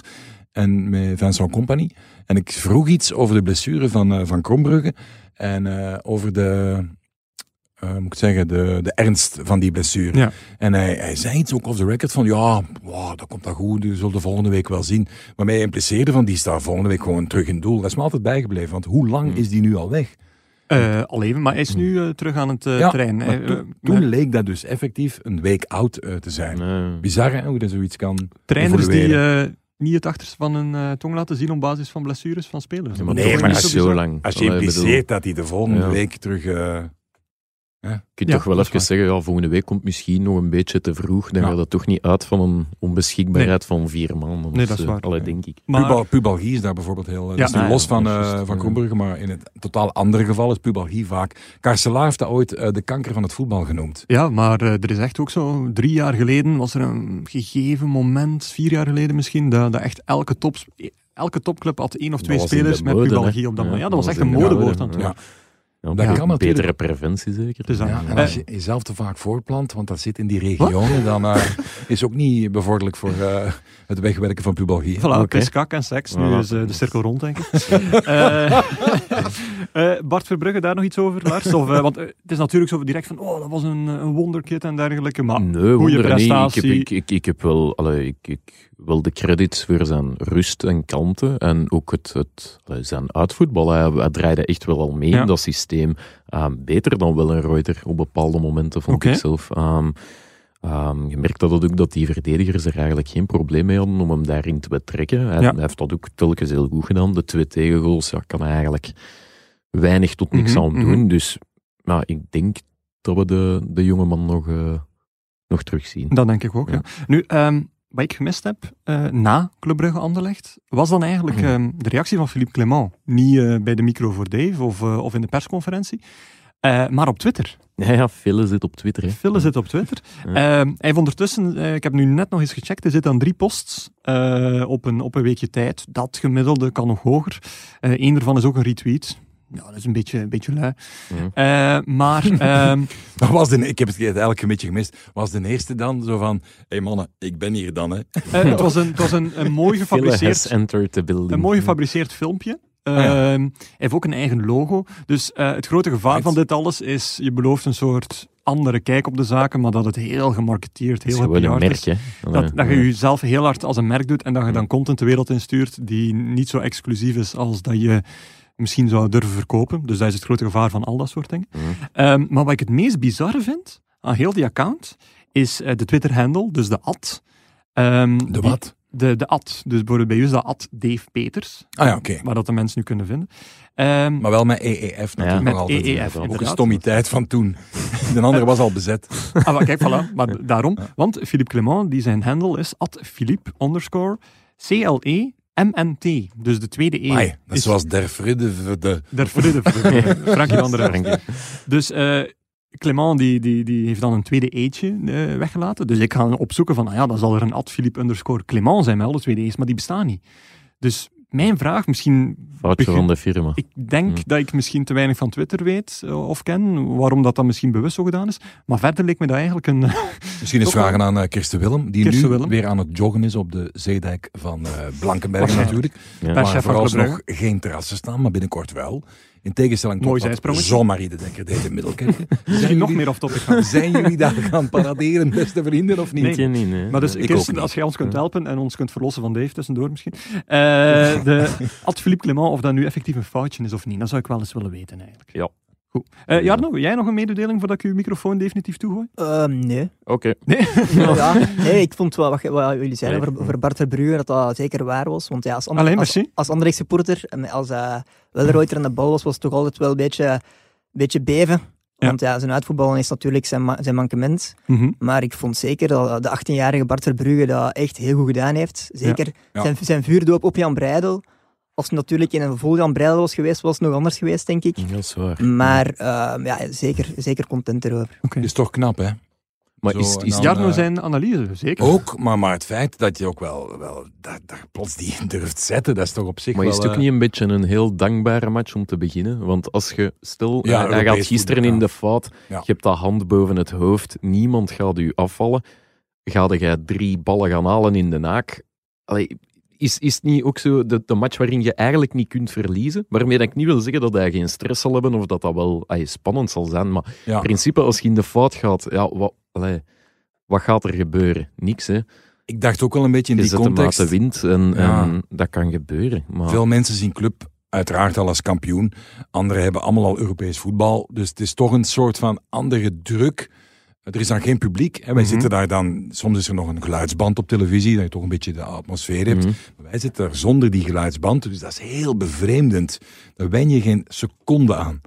Eh, dat, op, op rij 1 naar dat veld kijken, dat lijkt in het begin dus echt een. Mhm. Dat is heel vreemd. En daar wen je nooit aan. Oké, maar dat maakt het dan makkelijker voor Bart Verbrugge, Lars. als- Ik denk het, ja. Goh, makkelijker. Ik denk toekoer, of dat dan nu met of zonder publiek is. Dus de druk is altijd groot. Maar Mhm. je weet ook, als je dat vertrouwen krijgt van je coach om in die match te mogen starten, gaat dat vertrouwen na 90 minuten, hoe slecht ze ook waren, niet plots helemaal van Nee. tafel geveegd zijn, denk ik. Ça va, oké, goed. Eh, merci Jarno. En MV van de Week, Lars Godot, zeg het maar. Eh, ja, Medi Kersela. Medicarsela. Ja, en is dat om in de bloemetjes te eh, zetten of van de trap te doen? Van een hoge trap te duwen. Een hoge trap Ja. zelfs, oei. Ja, van een hoge trap. Ja. En we ja. weten allemaal waarom, hè, denk ik. Eh, Ik zal toch nog even kaderen. misschien, misschien, ja, want we proberen toch een beetje duiding te geven. Ja, in inderdaad. shotcast, dus, Spectakelrijke eh KVO Stende standaard. 3-2 op dat moment. We zijn Ja. vijf minuten ver. eh, 6-2 eh, eindresultaat. 6-2 eindresultaat. We zijn vijf minuten ver in de tweede helft, dus eigenlijk nog niks aan de hand. Mhm. hè. Ehm, ja, en dan beginnen het. hè. Eh, een, een beetje een schoolvoorbeeld van een bal die wat te ver van de voet springt. Ja, en toch, hè, ehm, los over de bal, onze, Mhm. onze aller medi. Ehm, ja, Onze een horror- aller medi. Een, een horrorfout op Henry. Het is ook niet de eerste keer dat... Hij Kersela heeft altijd zo'n beetje dat gif of die een angel in zijn zijn, zevende rode kaart in zijn zijn, in zijn spel gaat. Wat toch wel heel veel Voor is voor een offensieve... is dat pittig. Is ja. dat heel veel. De week ervoor hadden we het ook al gezien met uh, Messi Sacco in de bekerfinale. Die Mhm. gewoon uit, ja. uit pure frustratie. Ja. Snoei. Gewoon iemand, hè, ja, snoei, exact. De zeis, zoals ze dat zo mooi zeggen. Ehm, ja, en, en, en dan hè. dus die fout, ja, oké, ça va. Maar dan, ehm, hij wordt van het veld gestuurd, maar dus niet meer rechtstreeks rood, maar met een tweede geel. Ja. En dan moet je mij eens proberen uitleggen, want gisteren met Cullen was ook zoiets gelijkaardig. We zitten, een, allee, we, er wordt een week lang hè, door scheidsrechtersbazen, door, door eh, referee departments te koer, Ehm, met, veel, met veel tromgeroffel en bazuingeschal en, en aangekondigd, we gaan strenger zijn, we gaan sneller geel trekken. Ja, dat heb ik wel gezien, dat, allee, dat sneller geel is. Mij moeten dan een keer uitleggen, Hij kijkt naar mij waarschijnlijk. ja, ik kijk zeker naar u, mij moeten dan een keer uitleggen hoe, ehm, hoe fout dat moet zitten, dat je u begint te fixeren op, op, op protest van spelers Mhm. en op, op eh, woordgebruik en, en dat moet er ook uit. Hè. Ja. Maar begin eens bij de basis, begin eens bij het begin. En niet met van die, van die regeltjes om regeltjes. Ja. Want wat er nu gebeurt is, ja, ja allee, het is weer niet beter. Hè. We zijn ene speeldag ver en, en, het kot is weer te klein. Eh, dat is waar. Ehm, eh, er was dus vorige week eindelijk, eindelijk, want al maanden uitgesteld. En nu kwamen we natuurlijk perfect voor de start van, van, play, van Play-off 1, ik zei Champions Play-off, excuseer. Ehm, was er dan eindelijk nog eens zo'n sessie. Scheidsrechters, voetbalvertegenwoordigers, Gert Vrij zei ook in zijn column in het Nieuwsblad van, eh, ik was ook uitgenodigd, commentatoren konden gaan. Ehm, en daar was dan Bertrand Layek, die eigenlijk de, de scheidsrechtersbasis om het een eh, titel te geven, Mhm. die dan zo wat de cijfers voorlegde. En die zei van, vorig jaar hadden we 84% van de VAR-interventies die juist waren. Nu zijn dat er 88%. Oké, dat is een feit. Dat is, eh, dat is een heel Wie begrijpelijk feit. beslist dat? Of wie... Ehm, daar kom ik bij. namelijk oké. van ehm, wat een correcte interventie of een correcte beslissing is. In theorie zijn dat de regels die dat beslissen. Mhm. Maar in de praktijk is dat natuurlijk dan een Layek of een eh Oh, ja. Fortrel, die eh, in België verantwoordelijk is voor, eh, voor eigenlijk de VAR. Ik hier Ehm, op het werk mijn eigen evaluatie zou mogen maken, het zou Daar komt het een beetje op neer. Maar zijn, het is dus eigenlijk altijd op vlak van, van, Ja. van de regels. Maar ja. daar kun je nog wat in komen, want dat moet echt al een slechte wil zijn om, te, om, om dat te doen. Maar bij die grijze fasen is dat effectief wel, eh, wel een probleem. Ehm, maar wat dus het, het, het vervelend daaraan was, is je weet dat je zoveel onder druk staat, je weet dat je niet goed communiceert, je weet dat, ehm, dat er daar ook vraag naar is, dat je dan toch een presentatie geeft waar dat er heel gefocust wordt op die 88% geslaagde fasen, maar geen duiding geeft waarom dat die 12% nog steeds fout gaat. En- Ja, omdat we Ja, allemaal... Ik, ik heb er wel een idee over. Mag ik dat even uh, Dat mogen jij zeggen. Dat mogen jij zeggen. Ah, wel, advocaat van de duivel. Hè. Ehm, beeld je allemaal eens in, we gaan er nu geen namen opplakken, eh, de, de tien momenten die we al gehad hebben dit seizoen, waarvan voetballers zeggen, ja, maar dat is voetbal, dat is in de beweging, dat, kan je niet, eh, dat contact kan je niet vermijden, dus dat is zeker geen rood. Dan wordt er in de varbus een beeld stilgezet. Als je iets stilzet, zie je de dynamiek niet, lijkt het veel erger dan het is. Maar dan zegt iemand in een live-wedstrijd, analist, ja, totaal geen rood. Als je hebt gevoetbald, dan, dan, dan weet je dat. Dan zegt er de volgende dag iemand in een talkshow, ah ja, eh, rood, amai, donkerblauw, eh zuiverrood. Dus om maar te zeggen dat heel veel momenten eh, zijn echt wel, wel, wel discutabel. Want het is niet omdat je per met je stuts op iemand zijn kuitbeen belandt, dat ook geen rood kan zijn soms. Er is de, de, de interpretatie en, en het inschatten van momenten is des mensen zo ehm onderhevig aan, aan een foutenmarge, dat kan je nooit correct zien. Bijvoorbeeld, hoeveel mensen weten bijvoorbeeld dat de mouw van een t-shirt bijvoorbeeld is geen hens. Mhm. Die mouw, dat is een groene zone. Dan zie je het ook vaak nog eens een discussie van, oh ja, maar hens. Dan denk ik van, ja, nee, hè, want het is de bovenarm, hier Mhm. boven kan, kan geen hens zijn. Bij, eh, bij overtredingen van te laat komen, voetje eh, op de eh, enkel, Mhm. eroverheen, die typische, typische overtreding. Daar is soms ook eh, dan, dan discussie over. Dus je moet eens inbeelden dat je zo'n VAR iemand bent. Je volgt ook al die voetbalprogramma's. En de ene week hoor je iemand zeggen: Ja, dat is geen rood, want dat hoort bij voetbal. Als je niet gevoetbald hebt, dan, dan, dan weet je dat niet. En dan zie je de andere dag iemand zeggen: Ja, het is wel rood. Dus je moet niet onderschatten hoe die mensen op basis van, van fracties eigenlijk, en ook wel beelden, maar daar moeten gaan inschatten of iets al dan niet eh, opzettelijk was. Dus ik geloof wel in 80% misschien wel. Ja, nee, dat dat begrijp is het ik wel ook. zo, maar, Maar het is niet makkelijk. Hè? Als je het over Nee. de, de concrete gevallen van Carcela en Kullen hebt, ik, ik, ik, hoefde, ik hoefde niet in eerste klasse Ja. te spelen. Omdat Nee, te en, en dat bedoel ik me. Ik heb het over de schaduwkabinetten. Ja, oké, maar als je er die Ja, uithaalt, zitten ze al aan 90%. Die- die- sorry, maar als je je laat beïnvloeden door wat er hier gezegd wordt, of door extra time, of ik weet niet wat allemaal. Nee, dat, dat moeten scheidsrechters niet doen. En dat wordt ook altijd gezegd dat ze dat niet hoeven te doen. Ja, zijn wel mag zijn- mensen, hè? iedereen mag zijn mening daarover hebben, maar jij bent een gediplomeerd semi-prof die ehm, die beslissingen moet pakken. En wat er daarover gezegd wordt, u kunt u dat Ja. aantrekken, maar moet uw eigen judgment daar niet door laten beoordelen. Nog één ding, dat wil ik wel toevoegen. En het is onze taak om de regels goed te kennen. En ook iedereen die over voetbal praat, zou de regels Ja. veel beter moeten kennen dan dat ze nu kennen. Dat is waar. Maar dat neemt niet weg dat er nog steeds 12% dan Nee. foute VAR-interventies zijn. Maar ik geef u één beeld, en dat stemt wel tot nadenken, denk ik. We kennen allemaal de beweging. We hebben zelf allemaal gevoetbald. De een al op een hoger niveau dan de andere. Lars als, veruit het hoogste. als een verdediging oprukt en de aanval, je ziet dat soms wel eens, hè, maakt een tegenovergestelde beweging en je krijgt dit. Ze komen elkaar op een kruispunt tegen en er de er- record show dat eh, Dave zijn handen kruist op Ja. een eh, dubbele phalanxachtige manier. En er glipt er één aanvaller door. Dat kennen we, dat moment, hè, de buitenspel, die niet klapt of, of weet ik veel wat. Dus de verdediging rukt op op een lijn en de aanvallers glippen erdoor. En eentje lijkt plots 10 meter buitenspel te staan, maar staat dan niet. Dan gaat een lijnrechter ofwel vlaggen of niet vlaggen. Mhm. Maar die snelheid van tegenovergestelde bewegingen is zo snel, een menselijk oog kan dat niet capteren. Dus als hij er bovenop zit en de VAR ziet, het is niet offside, dan zeggen ze heel vaak, ja, maar, maar supergoed gevlacht. Nee, dat is gewoon een gok op dat moment. Maar als je het mist, maar als je het mist, is, is dat ook niet tot zijn grote schande. Want die mens doet zijn best. Sommige dingen moeten ze zien, absoluut. Ja. Maar dat, dat, dat stemt toch tot nadenken. De, de, de, ja, maar dat is nu toch totaal naast de kwestie. Want nee, maar het gaat, over, het gaat over beoordelen van, van, eh, van momenten. En soms is, VAR-interventies, hè? Dat er nog steeds 12% fouten zijn. Ja, omdat sommige dingen blijven toch ter interpretatie, of niet? Tuurlijk, tuurlijk. En maar dat is, Je kan toch nooit 100%... Met VAR kan je nooit nee, dat is 100% waar. sluitend Maar zijn. mijn punt wat, wat, ik, wat ik ging maken is van, leg het dan wel beter uit. Ja. Leg uit waarom een afgekeurd doelpunt van Oostende in Moeskroen, dat mensen nog steeds niet weten waarom dat het is afgekeurd, Nee, ook heel bizar, ja. Ehm, waarom dat dat gebeurt en wat daar dan de lijn in is. En Misschien weten ze dat moment zelf en dat niet, een- dat kan toch?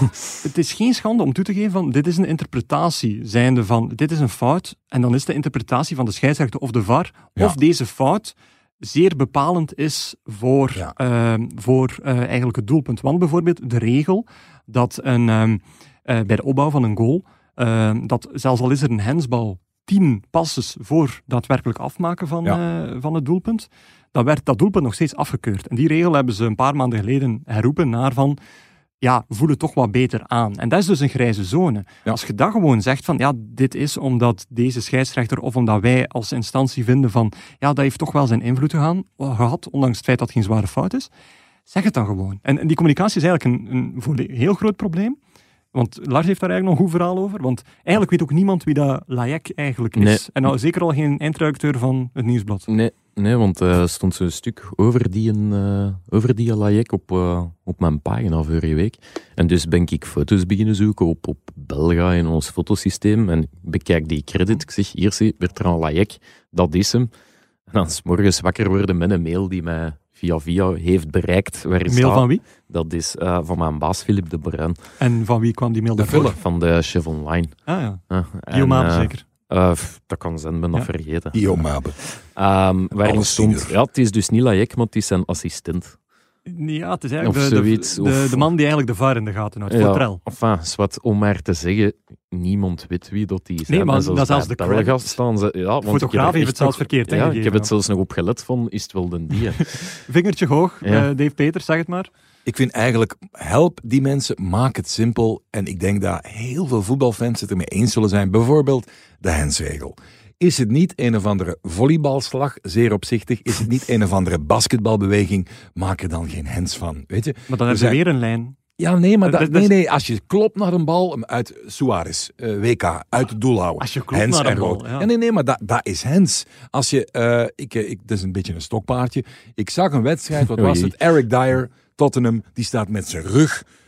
die, die kijkt voor zich uit een corner te verdedigen. Dus kijkt met zijn gezichtsveld naar een cornervlag. Het spel wordt verlegd, andere kant, die staat nog ingedraaid. En er valt een bal op de achterkant van zijn biceps. Met zijn rug naar die bal toe. Penalty. Ik, ik heb gewoon mijn, mijn, mijn ja, dat was aan vernieuwing toe, maar ik heb mijn eh, flatscreen even dat containerpark aan- eh fertig Lag gemaakt. dat aan, aan de regel of lag dat aan de scheidsrechter die gewoon een fout Nee, dat ligt gewoon aan een domme, aan een domme regel. Hens is hens. Ja. En iedereen die, die, die voetbal kent en leeft en ademt en het ooit gespeeld heeft, die weet dat als ik gewoon per expres een bal wegklop om een doelpunt te verhinderen, is het hens. Maar als ik van op een meter iemand aantrap, en, want ik vond Hein van Haasbroek had een hele zinnige uitleg over de biomechanica. Als jij loopt, dan gaan je armen hè, de lucht in. Vies, ehm, op, elkaar Ja. afwisselend. Hè? Links, rechts, trekt op eigenlijk. rechts. Je trekt je op. Ja, dat is een natuurlijke houding. Dat vond ik al een heel goed punt eigenlijk. hetzelfde met de steunarm. Een steunarm is ook Voilà. hens. Dat is Dus hens. je Dat wordt- kan, dat, je kan die regel toch echt heel eenvoudig maken. Er is toch ook een moment geweest, weet je nog, dat, dat die ballen van op twee meter aangetrapt ook op de stip gingen. Mhm. League 1 was er denk ik heel fanatiek in. Eh, in Engeland ook, denk ik. Dat is toch gewoon heel... Dan voel je toch in elke vezel dat dat onrecht is. Dus ik denk zelfs als het jouw team is die je meekrijgt, dat je denkt, oh, dat is nu toch wel heel overdreven. Hoeft Ah, ja. niet. Ja. Nee, maar Ja. dat, dat is ja, toch maar waar? volgens de regelgeving En- is dat ook geen hens. Ja. Maar ik denk dat misschien van de 100 refs, misschien maar 98 dan Ja. we hebben effectief van... eh, het verandert zo vaak. Het, het, het- dat is een groot probleem. En, Nog één ding erover. ja, alleen nog één klein boompje. Ik wil jullie brein eens eh, pikken. Oei, oei. Eh, ik heb een grondige hekel, en dat wordt altijd ondergesneeuwd, en dat wordt met de mantel der liefde bedekt, aan de professionele fout. Dus je staat op het middenveld, eh, Dat hoog wordt opgeschoven. Toegejuicht vooral. Hè. Ja, en er, er zou iemand kunnen doorbreken. Dus je test zijn textiel en trekt die tegenstander soms tot tegen jou en loopt dan nonchalant weg. En dan zeggen ze op tv, oh ja, dat is geel, want dat is professionele fout. Maar er is toch...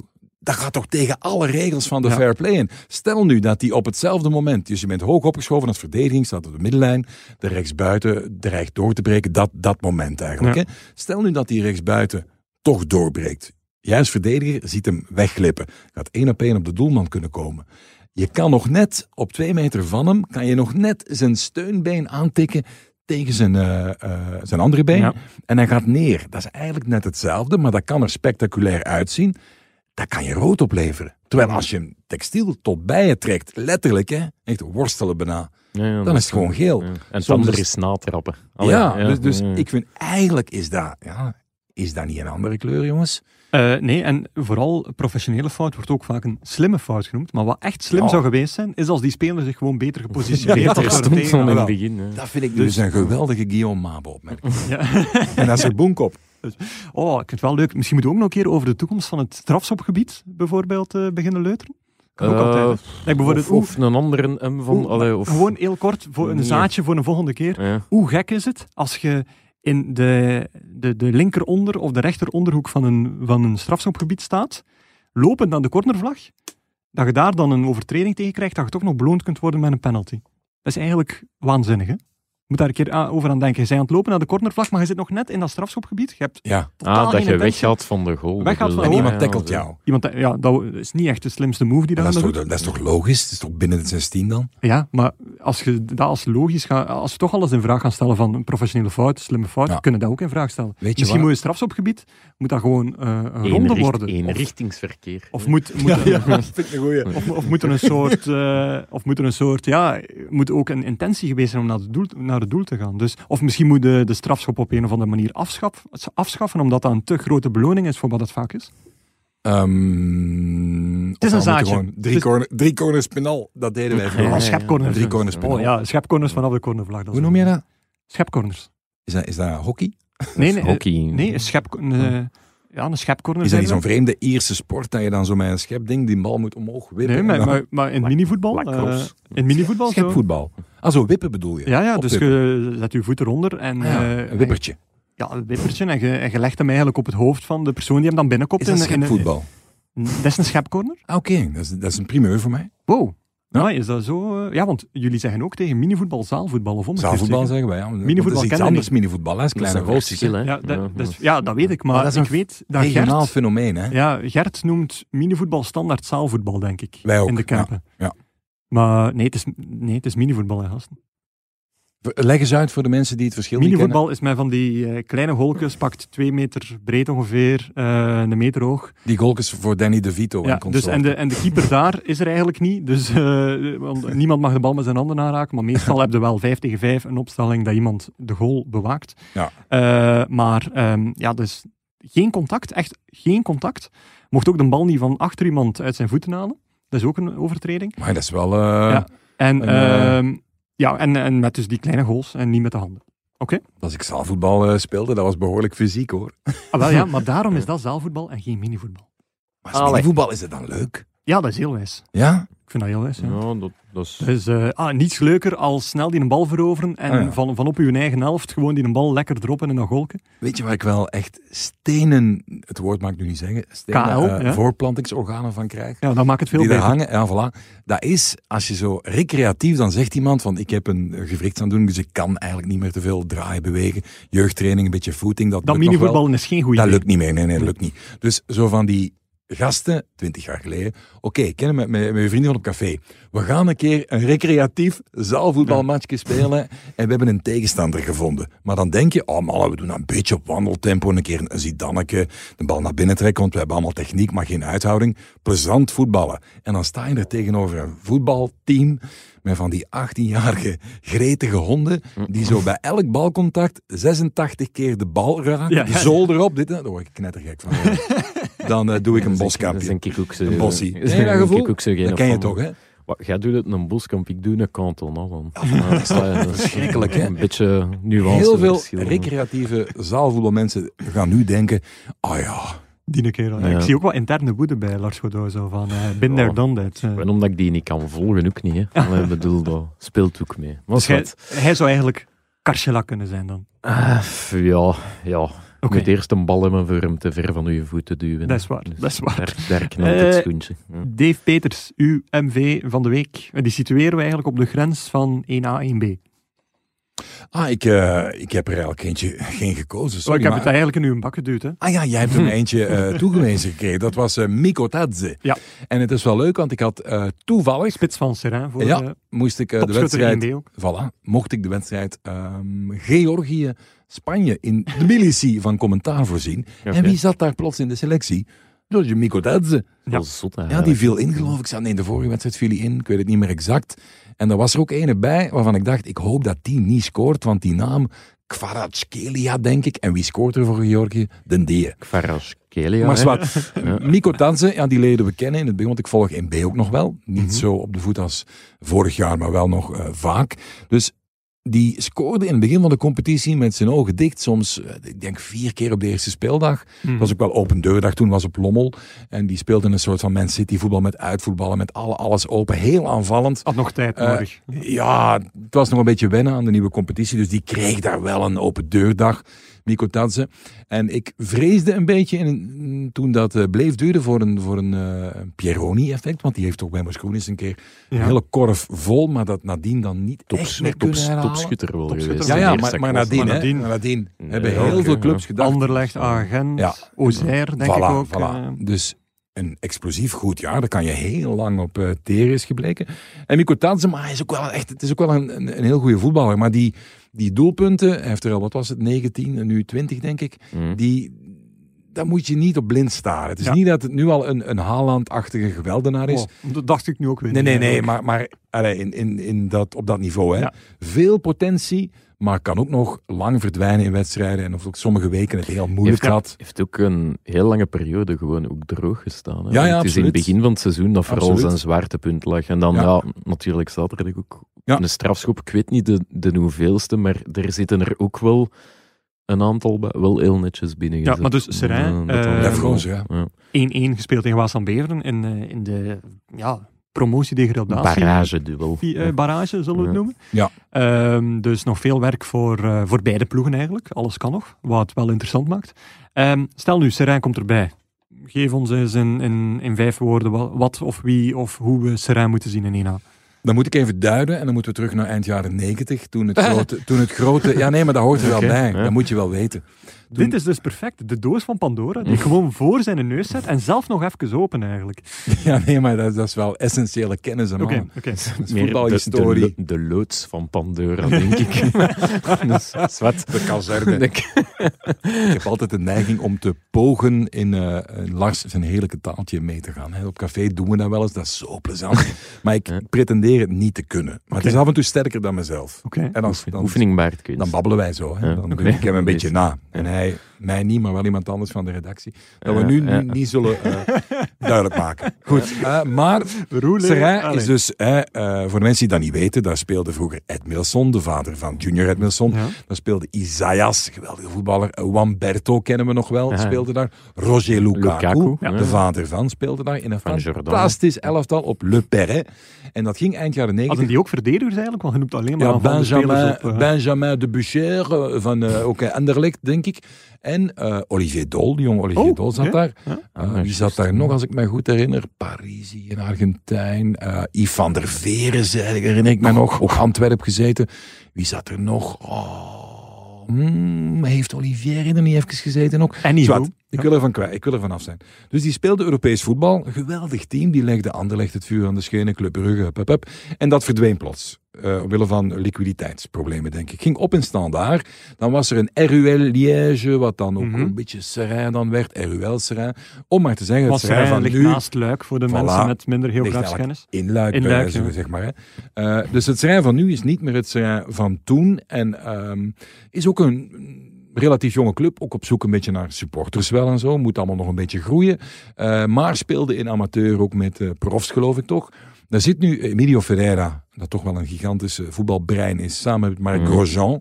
Ehm, hebben daar het, eh, de teugels in handen, zijn de, de coaches van dat team. Mhm. Dat is een heel goed elftal en zeer vervelend om tegen te voetballen. Want als je tactisch iets tegen, tegen die mannen probeert op te zetten, dan na 10 minuten, want Ferreira is echt wel een straffe gast en Grosjean ook, dan, dan counteren die dat.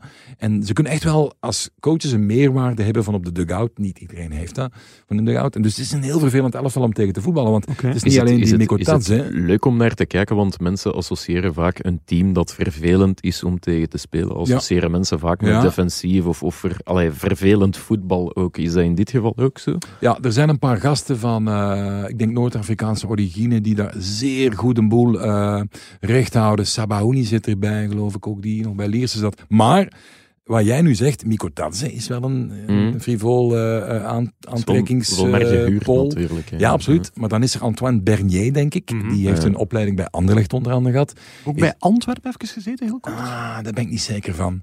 Maar gaan we door. Eh, Die zoek- was zoek goed zaterdag zoek het eens op. trouwens. Ja, dat is een, dat is een TGV met veel techniek. Eh, die is niet altijd titularis eh, geweest. Je hebt Gay in de spits, die er nu denk ik niet bij was. Maar dat is zo'n een, ja, een, een, een grote man. Die Mhm. de, de, de boom, zeg maar, Ja, die ze dan de kunnen boom. zoeken. Ehm, er zijn... Het is echt een heel goed collectief. Om het Oké. zo maar eens eh, te stellen. Antwerpen en Dudelange. Ja, voilà. Of, Bernier. of ze nu al in de ontwikkeling van de club rijp zijn om die volgende stap Mhm. te zetten en dat goed te kunnen doen. En ook met Mes eh, de verstandhouding goed te houden, dat ze nog meer, Ja. betere talenten krijgen. Dat weet ik niet. Want Mes Want- is zo de partnerclub. Ja, daar eh, krijgen ze spelers van in, in bruikleen, zeg maar. Eh, dus ik denk dat, dat de stap misschien wel een beetje vroeg is. Het is ook die zoektocht vooral naar een nieuwe Mm. identiteit, naar, naar ja, niet elke... Kijk naar, naar Club Luik. Die zijn heel lang weg geweest en Club Luik komt dan terug boven water. Gaat Mhm. in ons voetballen. Die hebben met nadars rond het veld gevoetbald op een provinciaal veld. Hè. Die hebben op Verviers gevoetbald. Die hebben op eh Tilleur, Bureau Vos, mooiste stadion van het land, eh, gevoetbald. Die zijn uiteindelijk thuisgekomen op een nieuw recours. Eh, een heel leuk stadion, ook kunstgras wel. Maar dat publiek, wil ik maar zeggen, van het originele matricule eh 4, het eh, stamnummer 4 van Club Luik, mooie club trouwens, Mhm. Zijn wel allemaal gevolgd. RWDM ook, die blijven allemaal trouw. Maar als een club plots verandert, hè, er was White Star Brussel, speelt in Edmond Martens. Er is RUL Seraing, dat op Le Perret Mhm. ging voetballen. Ja, voor, voor supporters ligt dat heel, ehm, heel gevoelig. En die volgen niet zomaar dat Mhm. nieuwe elftal. Kijk naar MK Dons in, eh, in Engeland, Mhm. hè, waar Wimbledon uiteindelijk Ja. Plough Lane moest verlaten. Er later ook wil terugkeren. Maar dat was te ver. te ver. Soms, soms zegt Dave woorden en zeg ik gewoon van ja. Mm, Nee, maar ja, zwart. braaf, braaf Dat is, ja, dat is een beetje de, de passie die het nu overneemt. Mhm. Maar om maar te zeggen, ehm, zit, een, zit iets in die club. clubkleur, clubkleuren, een stamnummer is voor veel mensen heilig. Ja. En ze volgen niet zomaar dat nieuwe clubje dat toevallig in dezelfde ehm, tempel gaat voetballen. Snap je? Dus daar is nog wel wat werk. Natuurlijk ook altijd in de schaduw van, van Standaard, Club Luik. Behalve toen in de jaren negentig, waar ze Europees voetbal speelden tegen, Mm. tegen grote teams hoor. En dat was echt een, een knappe periode voor, eh voor eh Serra. Oké, goed. Maar dus Seraing, eh, club in groei. Misschien nog net te vroeg, maar... Beetje vraagteken. Beetje vraagteken Ja, maar wel een goede ploeg. Ja, wie weet gezegd. blijft Aslan Beven er ook gewoon in. Hè. Want eh, waar, die, die kans is is, eh, eigenlijk groter op Ze hebben fraai hè. Ze hebben fraai. Niet de meest geweldige spits, maar, eh, maar Nee, oké. Ik vind dat een topspits. Ja? Absoluut. Hm. Ja. eh, En eh, waar eindigt eh, de carrière van Fraai dan? Ja, je moet ook iemand beoordelen op zijn, op zijn kwaliteiten. Fraai kan, eh, heeft de kwaliteit om 90 minuten te blijven stoermen. Die kan zijn kont erin gooien. Weet dat hij niet eh, met een of andere Zidane een flikvlak eh, de bal in de winkelak zal deponeren. Kent zijn Mhm. talent, kent vooral ook heel goed wat, wat hij niet kan. En ik vind dat toch wel qua overgave en qua, qua, qua spits en qua, qua grinta heeft hij die toch wel heel goed gedaan. Hè? Ja. Het is onder andere door hem dat Beveren nog speelt. eh, Mm. Voor het behoud, Waasland Beveren. Waasland Beven. Hm. Nee. Eh Sava, wel, kijk, goed. Ehm Fraai dus. Eh, mijn MV van de week is eigenlijk iemand die enkel maar dan kan hopen dat hij diezelfde kwaliteiten heeft als, als Fraai, zijn de Romelu Lukaku. Goh, ja. Ehm, Hm. Al heel vaak gepasseerd. Hier als MV van de week, dat was eigenlijk een beetje een boetaal aan het worden, hè, Lars? Ja, ja, ja, Eh, maar dat is gewoon omdat hij, ja, hij, hij beleeft topseizoenen. Hij scoorde ehm, dit seizoen denk ik 21 keer, vorig seizoen 23 keer. In heel zijn carrière heeft hij ene keer een productiever seizoen gehad bij Everton, 25 goals daar, in één van zijn seizoenen Everton. Maar nu combineert hij dat met assist, 9 stuks denk ik, puur in competitieverband spreek ik trouwens eh, dit seizoen. Dus dit is gewoon het, het beste jaar van zijn carrière op zijn, op zijn 27ste, Mm. wat ook niet onlogisch is. Maar het is gewoon een totaalplaatje, namelijk ehm, de, de woordelijke dominantie, ehm, het aura, eh, het aansturen, eh, het ingebed zijn in een club als Inter, eh, het feit dat hij vloeiend die taal meteen spreekt, dat hij een ongelooflijke aanleg heeft voor talen. Ehm, alles komt nu eigenlijk samen in iets wat al veel vroeger had moeten gebeuren, namelijk een buitenlandse prijs. En die heeft hij nu eindelijk gehaald, zijnde eh, kampioen worden met, eh, met Inter. Ik ging eerst eh, Luciano D'Onofrio kiezen, omdat dat een beetje een, een thema is dat wat ondergesneeuwd gebleven is vorige week, heel raar. Ehm, maar dan komt zo iemand als Lukaku, die eindelijk zijn titel pakt, die men Intervlag coronaproof als een van de weinigen die titel probeert te vieren, die duidelijk over de moon is, maar hem daar ook op dat vlak kan inhouden. Mhm. En dat kan niet anders dan niet alleen een, een bloemetje, maar een, een boeketje of een bosje of een, of een veld rozen verdient, Lars. Ja, zeker wel. Hè. ja. Ik, ehm, ja. Hopelijk had hij dan een beetje vol tot op Ja, EK. zou ik hoop het ook, ik hoop het ook. eh, Ehm, die kampioenschapsfeestjes, wat is uw gevoel daarbij? Want eh, we zagen een volledig eh, plein vol in Inter. We zagen duizenden mensen bij Ajax dat ook kampioen geworden is. En dan zagen we iets totaal anders, namelijk eh, het protest van de menu-fans in Liverpool, ja. ja, Ja. waar dat ze de Glazer-familie eh, buiten willen. Ehm, en er zelfs in geslaagd zijn om in de kleedkamer te komen, Straf, hè? waardoor is- het coronaprotocol werd eh, ja, beschadigd. Of, ehm, Macht van het getal, hè? ja, Ja, en waardoor het dus niet meer coronaproof die match kon doorgaan en die match effectief niet is door eh, kunnen gaan. Waardoor eh, er elders in Manchester ook geen samenkomst was, omdat City nog geen kampioen is. Ehm, ja, ik, ik, ik denk dan direct terug aan de tijd van ja, waar waren we toen we gele kaarten werden uitgedeeld wegens uitbundig vieren op voetbalvelden. De situatie is nog niet veel veranderd nogthans. Oh, stilte. Nee, ik snap de vraag niet zo goed wat die hele kaart erbij komt. Ja, die hele kaart van destijds dat we op ons achterste poten stonden voor, oh ja, de spelers op het veld die vieren te uitbundig, dat moet, ehm, of oh nee, sorry, geen gele kaart, een boete. Werd, Ah ja, eh, zo. werd dan Oké, uitgegeven, ja, ja. excuses. Ja, van het ophitsen van eh, Ah, de ja. Zo van, ja, of eh, je mocht elkaar niet omhelzen, dat er dan effectief gezegd werd, ik scoor, ik doe even zo, zo met mijn handen, Ah, zodat je niet mocht aanraken. Ja. Maar als je dan ziet wat er nu aan de hand is, van, ja, tuurlijk zijn ze blij, zijn Ja. emotioneel, zijn uitbundig, maar ja, dit is eigenlijk op dit moment ook nog lang niet oké.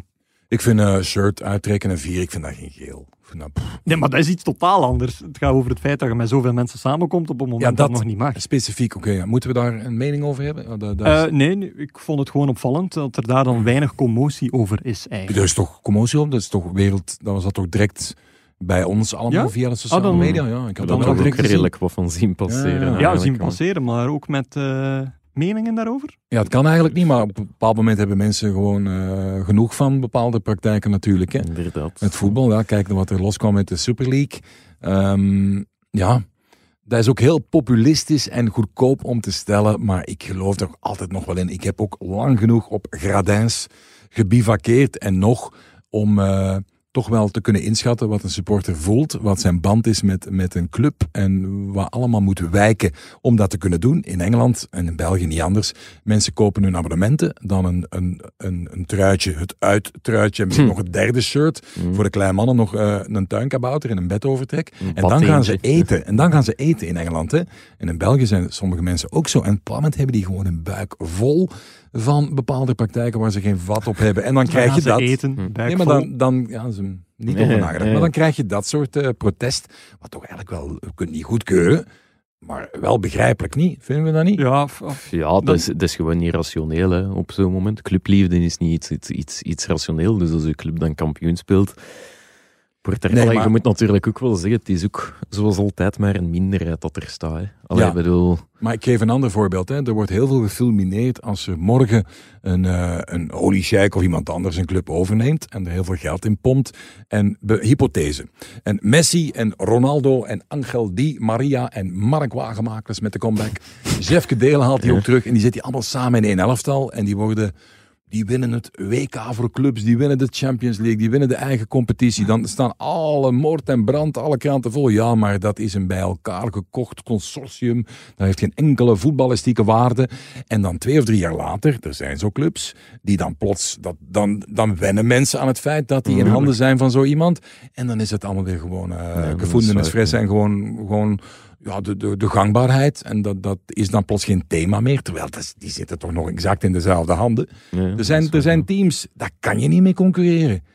Ja, want ik moet altijd heel veel stik en banter slikken, omdat ik dan toevallig een voorliefde heb voor Tottenham en alle andere mensen zijn dat is die niet. club die nooit iets wint. Ja, voilà. Dus iedereen, iedereen die je dan kent is voor Man U, Man City, Arsenal, noem het allemaal maar op. Dus ik krijg dan elke week oh, van die vervelende memes en berichten. Verschrikkelijk.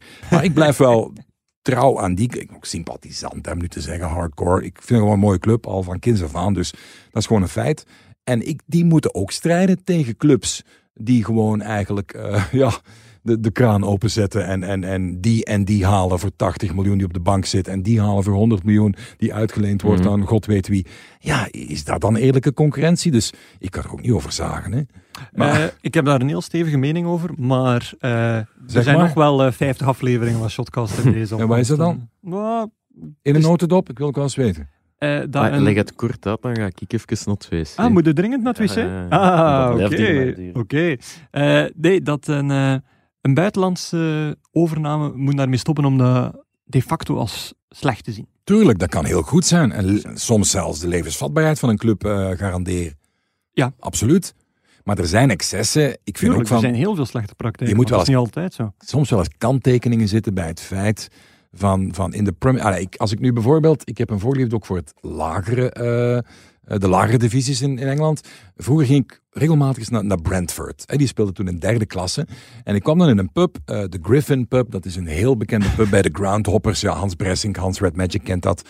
Eh, die komt heel vaak in van die hooliganfilms. Komt dat als een soort van... eh ja, Dus de Jarno, de Jarno zal het dan ook wel De. Griffin Pub, veel mensen kennen dat in, in het voetbal. Zo, dat moet je maar eens, maar eens opzoeken. Ehm, en dan vroeg ik aan die mensen, ja, Wat vinden er eigenlijk van? Derde klasse, tof. Heb ook een favoriete ploeg in, de Premier League bijvoorbeeld. En heel veel van die mensen waren absoluut niet meer geïnteresseerd in de, de Premier League en leefden daar heel ver van weg. Ja. En genoten elk weekend van naar de pub met de vrienden, naar Brentford op de stenen gradijns, door wind, door weer bij min 5, de hotdog, waarvan de ketchup druppelgewijs in je mouw sijpelt, eh, lager en, en, en plezier. En op de schermen keken ze dan af en toe wel eens, ah, er is een penalty voor, eh, voor Chelsea of voor Man City, kijken we wel. Maar heel veel mensen vonden dat eigenlijk de echte oprechte voetbalbeleving. Nu, ik zit niet in een van die twee kampen, ik vind het allebei mooi. Maar ik begrijp soms ook wel de aversie die mensen ontwikkelen door, voor business in het algemeen. Nee, oké, goed. Eh, dus voer voor een keer een volledige aflevering later, denk ik. Moet je niet eens vragen aan, aan onze gast wat hij ervan vindt? Nee, nee, nee. Ik denk dat we al genoeg off topic zijn om, eh, om de mening van Jarno er ook nog een keer bij te halen. Eh, wat misschien wel nog een woordje is voor Jarno. Jarno, ik zie, ik zie wat jij niet ziet. Namelijk, ehm, ja, een livestream met het afscheid van Olivier de Schacht, die eigenlijk bleef lopen. En dat zijn eigenlijk de mooiste momenten. Dus de Sportza had het idee om, om ehm, een livestream van de persconferentie van Olivier de Schacht een paar dagen geleden, waarin dat hij eh, zijn afscheid, waarvan niemand dacht dat het ooit zou komen, van het voetbal eh, aankondigde. En het hele leuke daaraan was, eh, het officiële gedeelte is gedaan, maar die video die bleef toch wat stromen, of die, of die bleef een beetje gaan. En ehm, het gesprek ook. Dus eh, de schacht krijgt daar een stukje taart voor geschoteld. Taart, daar zijn we weer. Ehm, en begint echt zo heel smakelijk te eten en echt zo te zeggen, "Oh, oh, van waar komt dat? Mm, Ja, ehm, ja, dat is heel lekker, heel lekker. Dat het een alien aan een keer. Ja, Ik wil, ik wil. Lars even horen zeggen in zijn eigen dialect. Dat is vreed goede marchandise, maar niet te snel. Zeg dat eens. Eh, doe je truc eh, Heel, aan? heel traag. Gewoon, Ja, alsof je dat taart aan het eten bent en dat dan zegt. dat is goeie marchandise. Dat is toch schitterend, Ja. Oké, goed. eh, dank voor dit intermezzo. Eh maar dan krijgt Olivier de Schacht ook vragen ehm, over, ja, hij had al wat berichtjes gehad over, ja, ja, nu zijn ze er allemaal. Ze. Nu ben ik de beste die hier eh, de laatste twintig jaar op de veld heeft rondgelopen. En dat is zo'n oprechte quote waarvan ik eigenlijk hoop, ik weet niet of die hoop ijdel is of niet, eh, dat die ooit een keer in een officieel gedeelte van zo'n persconferentie zou komen. Want Ja. dat, dat is eigenlijk hetgeen wat hij echt eh, dacht. Jarno, Olivier de Schacht, jij als jarenlange Anderlecht-hooligan, Ja, Ehm, eh, liefhebber of een van de haters? Ja, in Anderlecht heb je liefhebbers, eh, allee, je hebt voorstanders Nee, en jij specifiek. eh, Maar ik ben ja, niet per se een hele liefhebber van de schacht, omdat ja, de, niet echt, hij, is niet echt de huisstijl van Anderlecht. Ja, liever een Matthias Soares of eh, ja, een Barbu Soufa, zo'n spelers. Maar ik heb wel enorm veel sympathie voor de persoon de schacht. En ook ehm, zijn winnaarsmentaliteit. Hij bleef er ook altijd voor gaan. En hij heeft ook alle andere linksachters uit de ploeg gespeeld. Ik denk dat hij met enkel tegen Berang Safari het moeilijk had. Hey, hey, kenner. ja. Ehm, maar voor de rest heeft hem eigenlijk iedereen eruit gespeeld. En ja, dan met dat, met dat goeken was het dan wel even... Toen kwam het allemaal... eh, ja, toen... eh, Toen was was- minder. Ja, werd hij een, heel, een vrij controversieel persoon. Eh, maar, maar bon, je kunt eigenlijk alleen maar respect hebben voor, voor de carrière van de schacht. En natuurlijk ook wat hij nog op zijn 38 jaar gedaan heeft bij Zultwaregem en bij Lokeren. Doe het maar eens na. Oké, nee, daar ben ik volledig mee eens. Want, Maar is toch knap dat hij dan plots eh, Safari eh, opgooit, hè? ja, Toch gewoon jonge gast hier. Een van de eh, 18 eh, namen, Ja. dus als je er één van bijhoudt, dan... ja, ik moest direct aan Okapis denken, heel vreemd. Dus mijn, zo werkt mijn brein. Dus ik had een stomme mop die voorbij kwam. schachtverhaal, hè? Hij zei Eén dat. schachtverhaal. Bedang Safari. En ik, ik wou dan de stomme opmerking in mijn hoofd, zegt er dan zo'n duiveltje. Ja, die was te veel naar de Okapis aan het kijken, zeker. Dat komt dan voorbij in mijn hoofd. En ik dacht, Dat op zeg, safari. ja, nee, ja, ja, ik dacht, Allee. zeg dat nu Het is wel niet. een beetje een bekochte safari dan als Henk maar zeg ook dat ziet, nu niet. Ik heb nog wel wat... eh, ehm, Eén de schachtverhaaltje mogen. de schachtverhaaltje? Eén de mogen. Ah, wat kan ik zeggen? Ah, misschien met eh, de lolletjes die hij uithaalde met Marcin eh, Zevlakov. Die hebben ooit de Smart van Jonathan Lajar opgetild met x aantal eh, spelers. en die in de grascontainer gestopt. Dat zijn die heel grote bakken. En Lajar heeft heel lang moeten zoeken om die terug te vinden. dat was in dezelfde tijd dat ze dat is het eerste waar ik naar zou gaan zoeken als Ja, we mijn auto kwijt Dat was in die tijd dat ze een wijs hadden gemaakt dat het in Spanje... eh, wat was het nu weer? Een Kwartier, een kwartier vroeger was. Ja, dat is toch schitterend? Oh, dat is echt Hij geweldig. was een keer op tijd Mooi. toen. Ja. Hij was toen een Ja, keer nee, op, maar dat was. Ja, En hij is ook ooit Europees beroofd, eh, Olivier de Schacht. Wisten jullie dat? Europees beroofd. Ja, Europees beroofd. Van. Uitwedstrijd Waardigheid. eh Slavia Praag. En eh, na de wedstrijd onmiddellijk terugvliegen, dat was eh, de bedoeling. Ehm Zetterberg, die was zijn, eh, zijn trouwring kwijt bijvoorbeeld. Ze hebben die kleedkamer helemaal uh, leeggeroofd toen. Dat is toch bizar, hè? dat hoor je niet vaak. hè? Ah, oké. Op Eh, Slavia Praag. En wat was, eh, wat was Olivier, denk ik? kwijt? Horloges, laptops, eh, wat je allemaal bij hebt op Die Europese eh, verplaatsing. Je? Eh, De kleedkamer was leeggeroofd. De kleedkamer was leeggeroofd. Ja. En Olivier was zijn laptop kwijt. ja, er waren spelers die zeiden: Ik ben mijn horloge kwijt en die zijn laptop heeft Dat me is, ooit dat, is, verteld. dat is voor de verzekeringen eh, meer te kunnen terugkrijgen. ja, maar de toen ene zei- Ja, mijn zwembad was nu toch wel weg. Leger zei smart. Dus stond hier in mijn lokker. maar- Hij heeft ooit dat verhaal verteld. Dat vond ik wel opmerkelijk. Of het nu Er het dan hotel was. 4 het was de ondertussen, hè? De kleedkamer, denk ik. oké, vier, Sorry, dus sorry, sorry. Doe maar, doe maar. Allee, sorry. Hop. Ja, ja. John Troost. Ja, om maar even een naam te, eh, te noemen. Ja, zeg het maar. Ah, wel ja, Olivier vertelde eh, dat, dat ze onder John Troost, de, de motivatiecoach voor de mensen die hem niet kennen, de Nederlander, dat ze dan moesten eh, handjes vasthouden in kring en ook Mhm. elkaar moesten knuffelen en, en dansen, een bepaald ritme. Dus stel je dat eens voor, dat, dat vind ik dan wel een mooi beeld. Die kern van Anderlecht toen in de tijd, onder John van der Brom, met de troost erbij. En die staan er dan zo te volksdansen. Dat moet wel een... En dat is niet zo heel lang is geleden. niet zo hè. lang Wat een geleden. waanzin- wat 2013, een denk waanzin ik. was dat eigenlijk. Maar eigenlijk anderzijds. Ik, Nee. probeer, ik probeer altijd het positieve te zien. Hè. Chakra, Van- Parawat. Eh, Wat was nee. het, denk ik? Ik ga dat niet, goed, niet zeggen van dat ik dat goed of slecht vind. Hè, maar Leuk Eh, geprobeerd. Anderzijds, ja, als je toch iemand met compleet iets geks eh, de lach erin krijgt, of een soort van, van eh, comfortzone eh, kunt doorbreken, die er misschien Ja, of frustratie. Allee, Voilà, voilà. Maar Wie weet, wie weet. Ja. Ik sta open voor alles in het leven. Oké, goed. Bijna. Dan, eh, dan, dan hoop ik ook voor dit, namelijk de Karagiannis Cup, eh, Lars Godot. Oh god, ja. Ah ja, daar was eh Yves van der Hagen, hè, de gast ja, want we hebben heel terug. veel inzendingen, omdat we natuurlijk vorige week maandag er zal niet er, ik waren. zal er een paar uithalen. Eh, inzending van Jonas eh, Ingels. Eigenlijk een correctie voor Yves van der Hagen, die ehm, niet over de ideale wereld, maar over de nieuwe wereld sprak Ja, dat is, met Thomas. Juist, ja. Dus- Wat wel dus- apart is als je daar hebt ingezeten. Ik zie Yves al samen met Columbus op de boot naar Amerika. ja, het is dat. Eh, Jens van de Capelle hoorde Yves ook zeggen: een nee kunnen ze krijgen, een ja is altijd een bonus. Ik had dat ook in echt wel, aflevering. dat is echt wel maf. En na de opname was, was Yves er ook effectief over bezig. Van, ja, en niet te veel verkeerde dingen gezegd. En ja, dan moet hij wel zeggen. Ja, maar we zullen even de reacties... Want hij had ook eh, iets met rook en vuur. Ja, iets van waar, waar vuur is, is rook. Ja, Ja, ja. Allee, hij had het zo wat omgedraaid en Ja. dat had hem op dat moment al door. Toen hij zo bezig was, dacht ik van, laat de reacties maar binnenkomen. Had ik het, eh, Ja, was mijn inderdaad. Dan hebben we ook nog Nico van Halen die Jules de Bilde hoorde zeggen dat Bayern en PSG de boot hebben afgewacht. Omtrent de Super League. Omtrent de Super League, de De- boot hebben afgewacht. Ja, dat is, eh, Dat is speciaal. En dan eh, ook wel nog een mooie Jonathan eh, Carpentier. Die heeft een quote van Michel Wuits opgesnord. Ehm, en die ging als volgt. Dat brengt afwisseling in de brouwerij. Dat is, Enfin, waar dat ik natuurlijk voor ben. Hè, voor een beetje afwisseling in de brouwerij. Maar ik denk niet dat het helemaal is wat Nee, hij inderdaad. bedoelde. Dus, Ik heb nog eh Philippe Danis, die ik persoonlijk ook wel een, een leuke vond. Dat is eerder een beetje een lapsus, maar die hoorde Erik ten Hag zeggen na een bepaalde wedstrijd. Hij sprak over het dominee-effect in plaats van het domino-effect. Dat is wel nog cool. Ja, schitterend. Wat, eigenlijk, Ja. eh, wat, wat zou het dominee-effect zelfs kunnen zijn? Dat zou, dat zou Een prachtig zijn. lapsus, gelijk gezegd. hè. Misschien kan Ja. Dave daar een okappie-gewijs antwoord op geven? Of, eh? Nee, maar ik, ik, hij zei net het van de nieuwe wereld. Ja. En dan schoot er zo'n quote van Hans Steeuwen in mijn hoofd. Die, had zo, die heeft zo'n sketch over eh, Columbus die Amerika ontdekt. en dan zegt hij zo een heel verhaal. En dan komt Columbus, gaat aanmeren.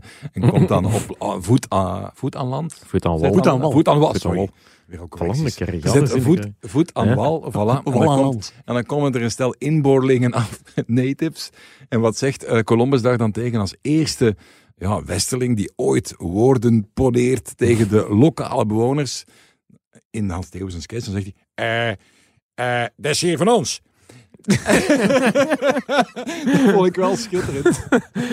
Ah ja, dat is, hier, eh, dat is van ons. En jaren later is dat nog altijd hetzelfde eigenlijk. hè. dat gaat er toch niet uit. Hè. Nee. Ja. Wauw. wel goed gevonden. Goed, eh at Shotcast, hashtag Shotcast, shotcast.nieuwsblad.be, podcast.nieuwsblad.be voor nog meer eh gein en ongein. En alvorens we naar de quiz gaan, wat is dat hier weer te Ik, ik, ik wapperen? ga mijn laptop al toedoen, want ik wil full focus De- eh, het- zijn op wat er nu allemaal gaat Ja, komen want en gebeuren. Onze rode draad, Frankie van der Elst, tweede passage. Eh, wat, een, een man voor elk seizoen, of wat was de ondertitel? Ja, ik heb een boek eh, mee, Frankie van der Elst, met een mooie coiffure ook toen. een toen man voor alle seizoenen. Een man voor alle seizoenen, opgetekend door, Door- de legendarische Frank Buijsen. Ja, Berucht en beroemd, niet alleen in West-Vlaanderen, maar van Arlon tot eh, De Pan. Ja. De, zeg maar. Zet je dan nu Had hij een duim aan het zuigen? Of, want dat Staat zou een effectief op de geniale achterflap, hè? achterflap zijn. Nee, de achterflap Ah, over dat is Frank jammer. Buijs. Frank Buijsen, Kortrijk, 21 november Nee, 1959. Frank Buijsen is een legendarische, geniale senior writer. Hij heeft het al zelf Heel geschreven, vaak ja. over... Nee, nee, nee. Maar Frank is gewoon een goede, eh, leuke schrijver. Maar dus, Toffe de rode tijd. draad. Een eh ja, dus we tweede gingen... verhaaltje van Frankie dat Voilà. geen een eh, choripan is. Oké, we, gingen, we gingen af en toe intermezzo's Ja. eh, voorlezen. Ehm, Ik heb het gevoel dat er alleen maar intermezzo's zijn geweest vandaag. Ja, ook, ook wel. Eh, er zijn een paar dingen die ik er misschien kan uitpikken, want ik heb Ja. het niet helemaal eh, zitten uitzoeken wat dan allemaal leuk zou zijn voor de uitzending. Maar bijvoorbeeld, Frankie heeft een brief gekregen in, wacht hè, op eh, 15 mei 1986 van de Koninklijke Belgische Ja. Voetbalbond. Vlak voor het WK dus. Voor het afreizen naar Mexico was getekend met vriendelijke groeten A. Roosens, de bondsvoorzitter. Ja. Wat staat er in die brief? Dus we kunnen meteen nog andere dingen doen. Oké. Mondial 86. Geachte heer, op aanraden van dokter Doge menen wij dat het nuttig zou zijn dat u, voor uw vertrek naar Mexico, uw tandarts raadpleegt. Bij een verblijf op grote hoogte kunnen immers tandkaries zelfs kleine bepaalde ongemakken veroorzaken. Met vriendelijke groeten. Albert Roosens. Dat, dat is de, dat is de brief. Dat is de brief. Dat is toch fantastisch? Dat is typisch iets van dogen, hè. Is dat niet geweldig? Dus, hey, mannen. Er, er, er, er komt nadien nog een, eh, Een tweede eh, brief. een, een, een bis, of een soort, hoe zeggen ze dat wel? Een, Een een bijlage. Aan bijlage. addendum. Ja, zat Ah. toen nog niet Een in de- PS, een postscriptum. Ja, zat nog niet in de eh, attachment van de e-mail. Nee, nee, nee. nee, nee. Ja. Dat is duidelijk. Het is heel klein, hè? Wacht, hè. Eh, ah ja, hier, hier. Dus, wat betreft telefoon, telegraaf en telex. Het is super klein getypt, dus moet ik even kijken. Oké, dus de Rode Duivels moet- moet- moeten in uw achterhoofd houden, krijgen dit binnen. Hè? Aangezien de kosten van de telefoon- en telegraafverbindingen tussen Mexico en België zeer hoog liggen, 240 bef per minuut voor de Je telefoon. moet dat niet als bef lezen. Veel eigenlijk. Belgische frank zullen enkel de gesprekken waarvoor voorafgaandelijk de toestemming werd verkregen van de bondsvoorzitter, delegatiechef of de algemene penningmeester door de bond ten laste genomen worden. Dat was ook iemand die van commas, commas hield. Ja. Is precies de zin van Frank Buis. Nee, nee, het is een brief van de bond. Zo niet zullen van de betrokkenen de kosten teruggevorderd worden. Enfin. Dus je moest vooraf afspreken van dit is het geluid, oh, dit is het telefoontje dat ik wil plegen en al uw andere eh Je moest die, aangeven als je naar je vrouw wilde. Ja, ja, daar komt kwam het op het neer, Ja. En dan, misschien om af te ronden van, van, van dit hier, Ja. ehm, de medicijnen of de onberispelijke wedstrijdkledij. Wat, wat willen we? Eh wedstrijdkledij vind ik wel interessant. Dus hè? in drie etappes, heel kort. Ja. De FIFA wijst erop dat de spelers er tijdens de wedstrijd steeds onberispelijk gekleed moeten bijlopen. Meer speciaal dringt de FIFA erop aan dat zij de trui niet over de broek zouden dragen en evenmin met afgezakte kousen zouden spelen. Ik denk dat René van der Rijken toen ziek was. Eh, anderzijds is het niet toegelaten na afloop van de wedstrijd op het speelveld met de tegenstander van trui te wisselen. Gevraagd wordt die uitwisseling in de kleedkamer te laten gebeuren. En dan om af te ronden, laatste zin erbij. Want dat kost u duizend bef. Bijvoorbeeld, de deelnemers die zich niet aan deze regel houden, zullen in de fairplay competitie beboet worden met 10 strafpunten. Maar dat, is, dat, dat is toch effectief gebeurd, want volgens mij Leo van der Els na zijn penalty tegen Spanje, dat was toch shirts wisselen all over the place.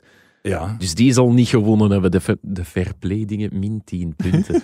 Wat eigenlijk wel veel is, denk ik. Eh, ik weet, ik ken totaal niet de schaal eh, van, die, van die ranking. 10 punten als je geen geel pakt of zo. Nee, oké. Goed, Maar ik vind dat wel, Schitterende ik vind brieven. dat Ja, wel top, hè? fantastisch Top, hè? eigenlijk. die brieven zijn wel, eh, zijn wel heel Mooi. interessant. Daar moeten we nog eens een, eh, een aparte aflevering aan wijden, ja. denk ik. Goed, ehm, ik dacht eh, dat jullie ook nog gingen zingen over Frankie. Of, eh, Ja, eh, Ja, Lars ja. heeft toch wel, toch wel een, een mooie zangstonde ten beste gegeven, net voor maar de over. Frankie van der Elst, hè. Ja, de Maar- wereldberoemde cassette. Helemaal van het zo. Helemaal van het Doe is nog een eens die, die, hè. die zin waar je dan zei van... Oh, wat was het? weer? Frankie van der Elst. Ja, de, de cassette van 1994, Ja. waarin alle zo bekende Vlaamse artiesten een cover brachten. ehm, van een bekend nummer, maar dan echt met een tekst voor. Je had Ja. Jacques Vermeijren over Luc Nilis, eh, Soul- Soul Sister over Oliveira of zo, denk ik. Soulsister over Oliveira. Ja, kende die niet, die cassette? Nee. Die was geniaal. En dus Raymond Cluz- van zat er ook nog tussen. Raymond van. Groenewoud over Frankie van der Over Elst. Frankie van der Elst. Maar vertel, Ah. doe eens één zin. Ik denk dat dat was... eh, oh, Frankie. Frankie van Durios. Ja, zo ging dat, hè. En dat was dan zo de meest onderschatte speler op het veld. Dat, Ja. was, de, dat was de ode van, van Remo aan, eh, aan Frankie. En, En, dat eh, was heel leuk, hè. En Raymond heeft ook in uw boek het Ja, geschreven. en, en eh, Oh, maar dat zal schuwt, daarmee eh, zijn, hè? Hij schuwt de borstel niet. Eh, ik, ik lees voor. Was ik er maar zeker van hoe zijn naam gespeld wordt. Ooit zou een uiterst sympathieke doelwachter in Mexico gesteld hebben dat als Frankie van der Elst tegen een bal kopte, dat het rugnummer van zijn shirt viel. Wie kent, wie kent niet die doelwachter die om de twee zinnen eenvoudig gebleven is? Nu, ja, dat zegt man van het Groene Woud, staat zwart op wit. Nog heel even om af te ronden. Nu ben ik in, zes, nu in 1996 ben Maar ik dus. Jean-Marie Faf, voor de mensen die het niet door hadden. Ja, maar toffe gast ook, Jean-Marie. Ben ik content een voorwoord te mogen schrijven over een zeer goede voetballer die bijna altijd rustig gebleven is. Een toffe gast, een man for all seasons. Een grote stille kracht, dat gevoel heb ik sterk. Maar dan zou hij zelf deze omschrijving niet sceptisch pareren met vragende ogen en een geluid van pff.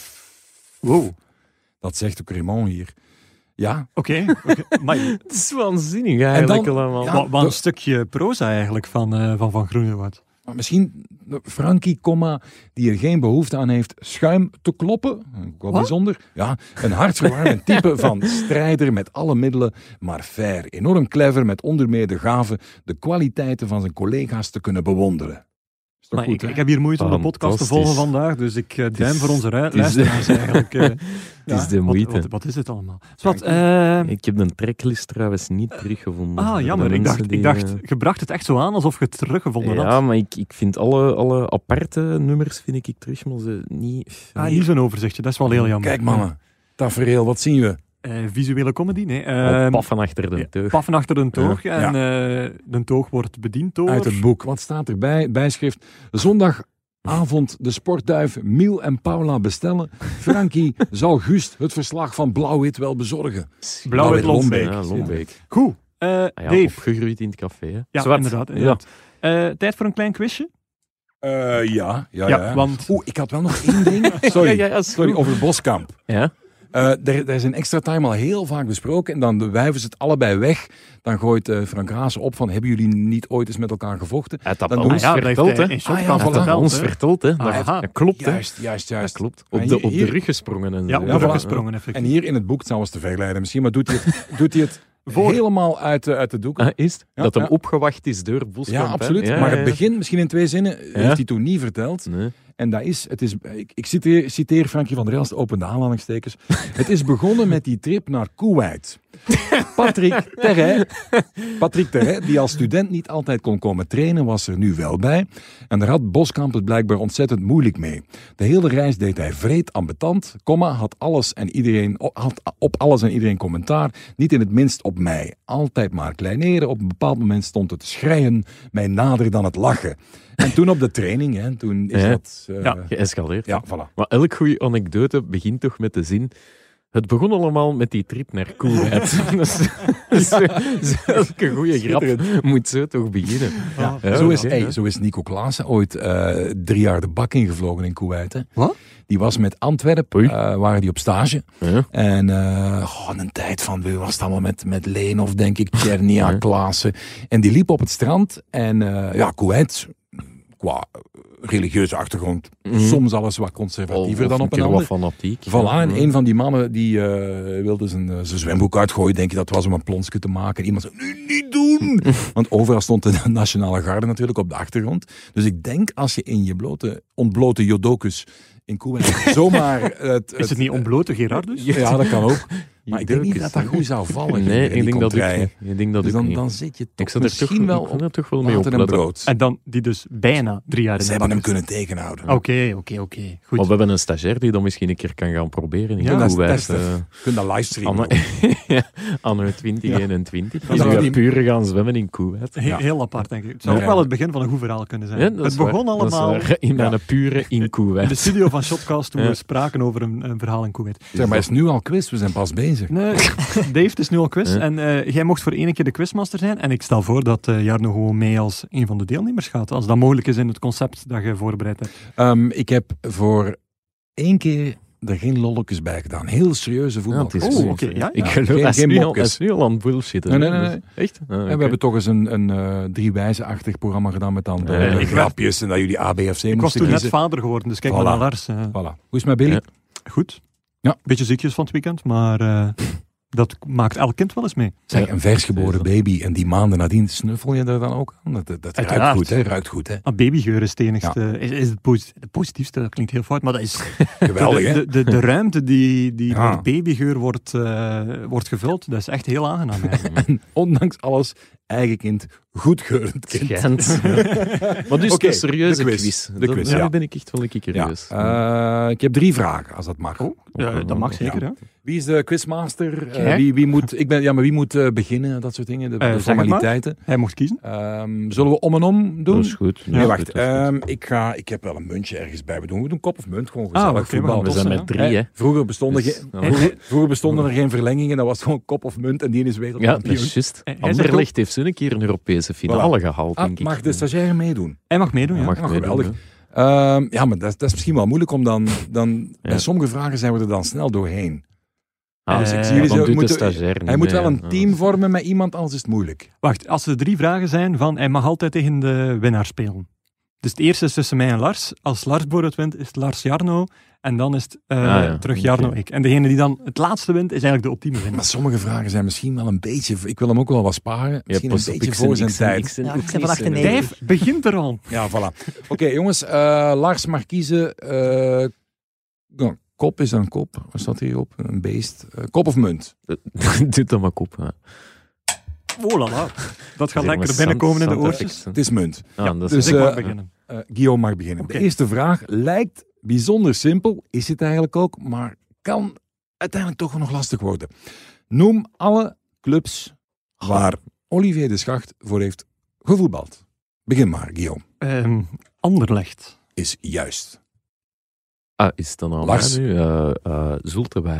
Is juist. Eh, deze gaan we... eh Lokeren. Lokeren is juist. Oeh, ja, en dan? ja, Guillaume? dat is echt, hè. Mm, mm, mm. Ja, nog een Oost-Vlaamse club, hè. Maar dat is een... Ik, Eh, ik ga KMS Kadijnse zeggen, omdat Xavier daar gespeeld heeft. Is dat je definitieve antwoord? Zegt de Eh, Walter Groothuis in mij. Ja. Eh, nee, ik ga, ik ga FC Daknam zeggen. Eh, is niet juist. Nee. Eh, Lars? Marie Kerke. Nee. Ja, wat was het nu wel? Jar, Jarno. Jarno. Ook niet Eh, juist. Puur Hoekske, maar Londerzeel. Nee, nee. Het Ah, was ja, bij die A-agent, vertalen. zo Ah, waar. toch? K-A-agent. Ja, ja. En het on... eh, hoe zeg je dat ook wel? Het, het onvolprezen, ja. Ja. Eh, SC Begonia Locristi. Ah, Ja, Begonia. Locristi. Voilà. Ja. Ah. Is het een punt voor... Maar agent. Wie heeft dan het Voor punt? niemand. Niemand eigenlijk. Enfin, Niemand, enfin, enfin. Ja. Ehm, de volgende vraag is Dan mag eigenlijk... Lars beginnen. Is, ja. is, een, is, een, is een, een, een groundhop eh, vraag, zeg maar. En nee. eh, jullie mogen, jullie voor. mogen om en om antwoorden. Ik zoek even de Stadions ben ik heel slecht. Voilà. Nee, nee, ook. we zoeken gewoon ehm, clubs. En het maakt niet uit op welk niveau. Het mag tot in de achtste divisie zijn. maar die een thuisbasis in Londen hebben. Oeh, oké. Lars mag... eh, nu ga ik het jullie even tegen elkaar even doen. Hè. Lars mag beginnen. En oh, een Jarno mag niet meedoen. Oh, mag ook. Ja, Jarno mag beginnen. De Ja. laatste stel ik onder jullie twee. Ah, doen. Dat is moeilijk. Gewoon ploegen die in Londen spelen. Ploegen die in Londen hun Ah, thuisbasis oké. hebben. eh, Queen's Park Rangers. Is een goed antwoord. Dat is goed. Letten jullie ermee op dat we niks dubbel Ja, hebben? Nee, maar ik Ja, dacht echt van, ah, QPR ga ik als een van de Ja. laatste houden. En hij begint er gewoon. Eh, Arsenal. Is goed. Tottenham. Is Hotspur. goed. Jarno? Eh, West Ham. Is goed. Chelsea. Is goed. Eh, wat gaan we dan nog allemaal pakken? Crystal Palace. Juist. eh Fulham.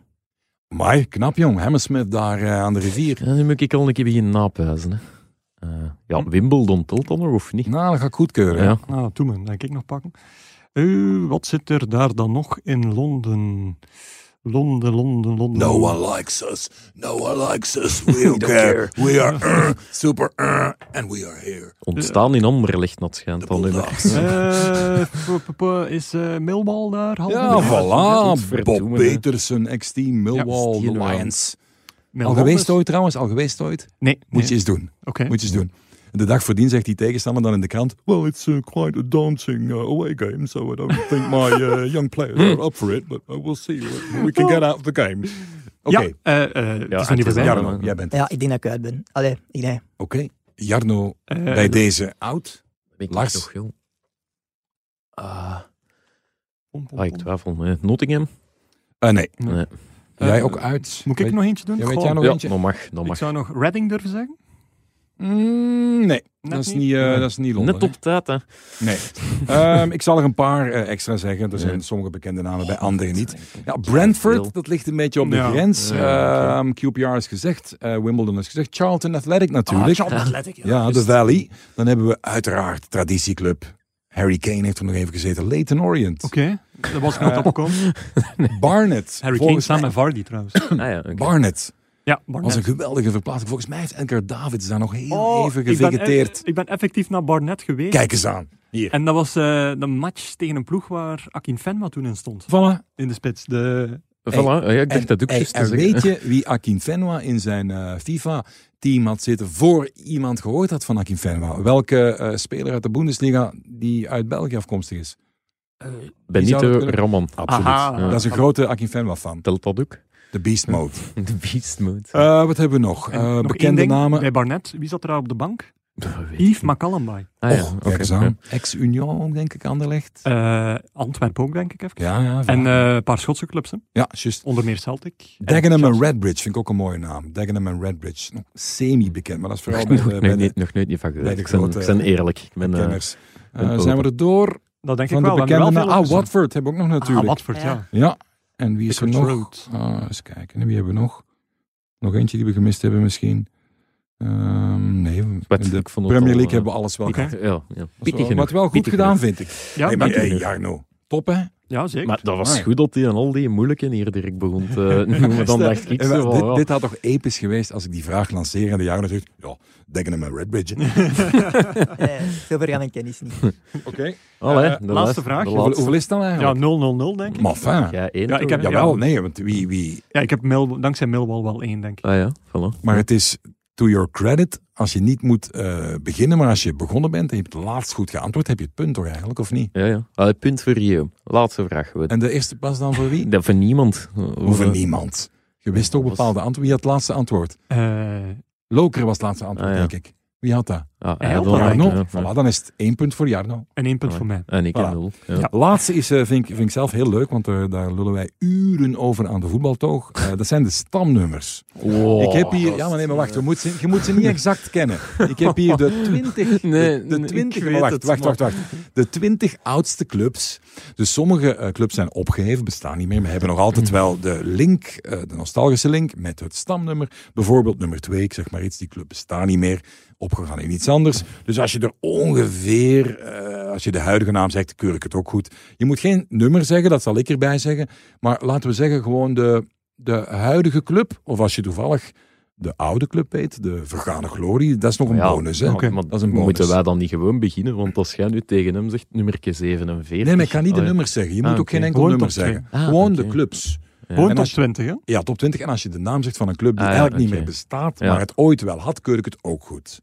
Snap Oké. je wat ik bedoel? Ja, ja, ja. Dus bijvoorbeeld, hè, kijk naar, Ja, ja. eh, naar eh, de, de RWD de Meulenbeek. Dat is al, ja, daar kan je drie, vier eh, clubs aan, aan linken. Hè? ja. Snap je wat ik bedoel? Ja, ja, ja. Maar, Ja, ja. Dat keuren we ook dus wel Lars goed. begint, dan ik en dan, eh en dan ja. Het is jouw beurt, denk ik. Hè? Zeg maar Lars. Ik beginnen? Ja. dan? Zal ik beginnen met een Antwerpen? dan, hè? Antwerp, stamnummer 1. Club Is een Brugge. goed antwoord. Club Brugge, stamnummer 3 is een goed antwoord. Ah, Ja? Ja. Germinal Beerschot, als dat telt. Eh, Beerschot. De Beerschot. 13. Ja, dat keuren we goed. 13 Wat inderdaad. was, u, wat was uw antwoord? Club Brugge. Ja, stam nummer 6, mag je dat? ik, ik wist het. Hè. het is daarom wie, dat wie, wie? Eh, dat heet tegenwoordig uh, Rodien de Hoek. Dat is een team uit mijn, eh, uit mijn streek. En hè. voorheen heette dat? Of Rodien Verwinkel heet dat. Eh, Hoe heette dat in 1895, Oh. beste Lars? of, wat Met die mooie houten Eh, tribune die er nog eh, altijd is, denk ik. Der, een Dering. Nee, Racing Club, Club Brussel. Oef, maar pas Is dat gesloopt al, die tribune? Geen idee, ik kom er niet dagelijks. Nee. Maar, Oké, maar goed. eh, stom nummer 6 is Maar ik, mag dan ook Klopt. eh Dering Molenbeek zeggen, bijvoorbeeld. Ehm, dan mag je zeggen, want dat is stam nummer 2. Ja, Uh, oké. Dering Club Molenbeek, voorheen Dering Club de Bruxelles. Ja, Wie is er aan, aan de beurt? Eh, ja. Ehm, Club Luik. Goed. Heel Kut. straf, goed. Ze hebben straks gezegd trouwens, matricule 4, stand nummer 4. Ja. Ah, Larsie Parsi? ja, het wordt moeilijk. Ah, het is, je moet het niet, niet te ver zoeken hoor. Ja, nee, waarschijnlijk niet. Maar... Bijvoorbeeld, ik zal een tip Nee, nee, geven. nee, nee, nee. Laat hem tips? even doen. Ah. Ik zal, er die tussen smaten. Serein zit er nog. volgens mij eh, bij, maar dat moet ik even verifiëren in mijn lijst. Ja, RFC Serein, Goed. nummer 17 was dat. The Great Escape. Oorspronkelijk nummer 17. Ja. Goed. Eh, nummer 7, Agent. Dat, dat stond altijd op het stadion, hè, op de, boven de spelerstunnel, nummer denk zeven, ik. Hè? Ja, Hm. absoluut. Arachla Gantoise. Ja, zeer goed antwoord. Ehm, Union Saint-Gillois. Saint-Gillois. Ja. Saint-Gillois. Saint-Gillois. Ja, Saint-Gillois. maar moeilijk uit, sorry. Inderdaad, dat klopt. Dat is het eh, vierde stamnummer 10. 10. Ja. Eh, Bij Racing Jet al gehad. Racing Jet bedoel je? Ja. Jet Waver. Eh, dat zit er niet bij. Ai, Ah. ai, ai, ai. I'm out. Oké, goed. Ik denk, Oh, wacht, ik ben nog even aan het checken. Mm, Nee. ik nee. denk binnen de top 20 ook Cercle Brugge. Is een goed antwoord, want die zijn nummer 12. En niet te vergeten, dat was de eerste Vlaamse kampioen in de nationale eh, CS voetbalcompetitie. Ja, 1911 denk ik. Mhm.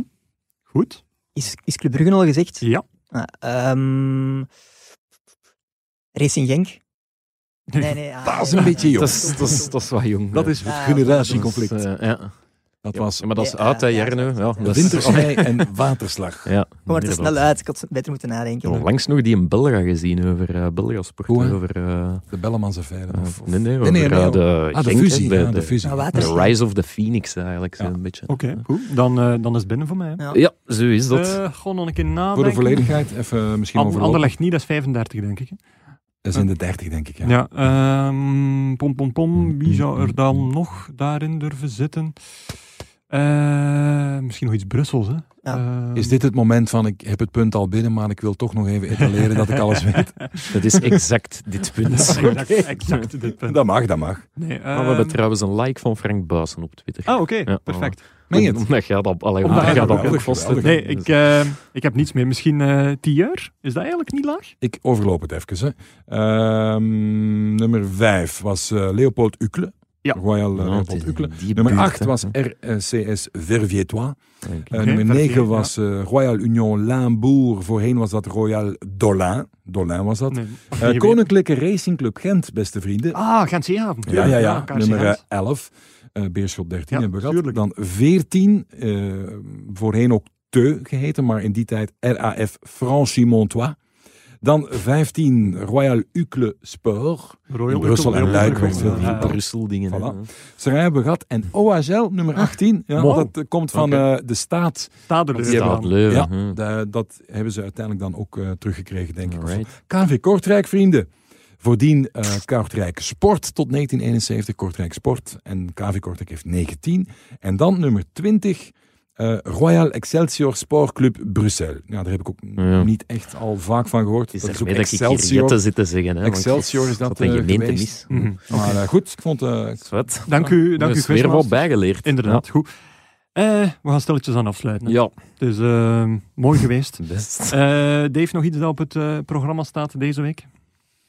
Ehm, Omdat ja. je commentator bent, staat er iets op programma? Ah, natuurlijk. Ehm, ik ga, denk ik, Anderlecht Antwerpen doen.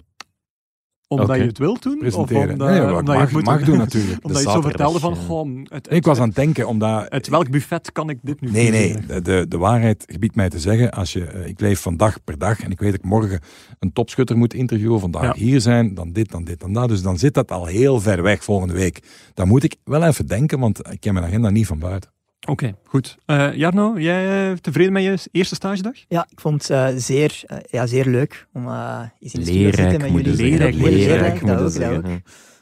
En ja, Dat belooft voor de komende maanden, want we gaan het nog niet zeggen, maar we hebben wel wat werk voor jou. hè? ja, dat is goed. Ik kijk er al naar uit. Ja, ik denk het ook. En ik denk dat de luisteraar er zeker ook naar zal uitkijken. Lars Godot, jij nog specifiek te melden? Eh, werkweek. hè. Hij zit al te tweeten.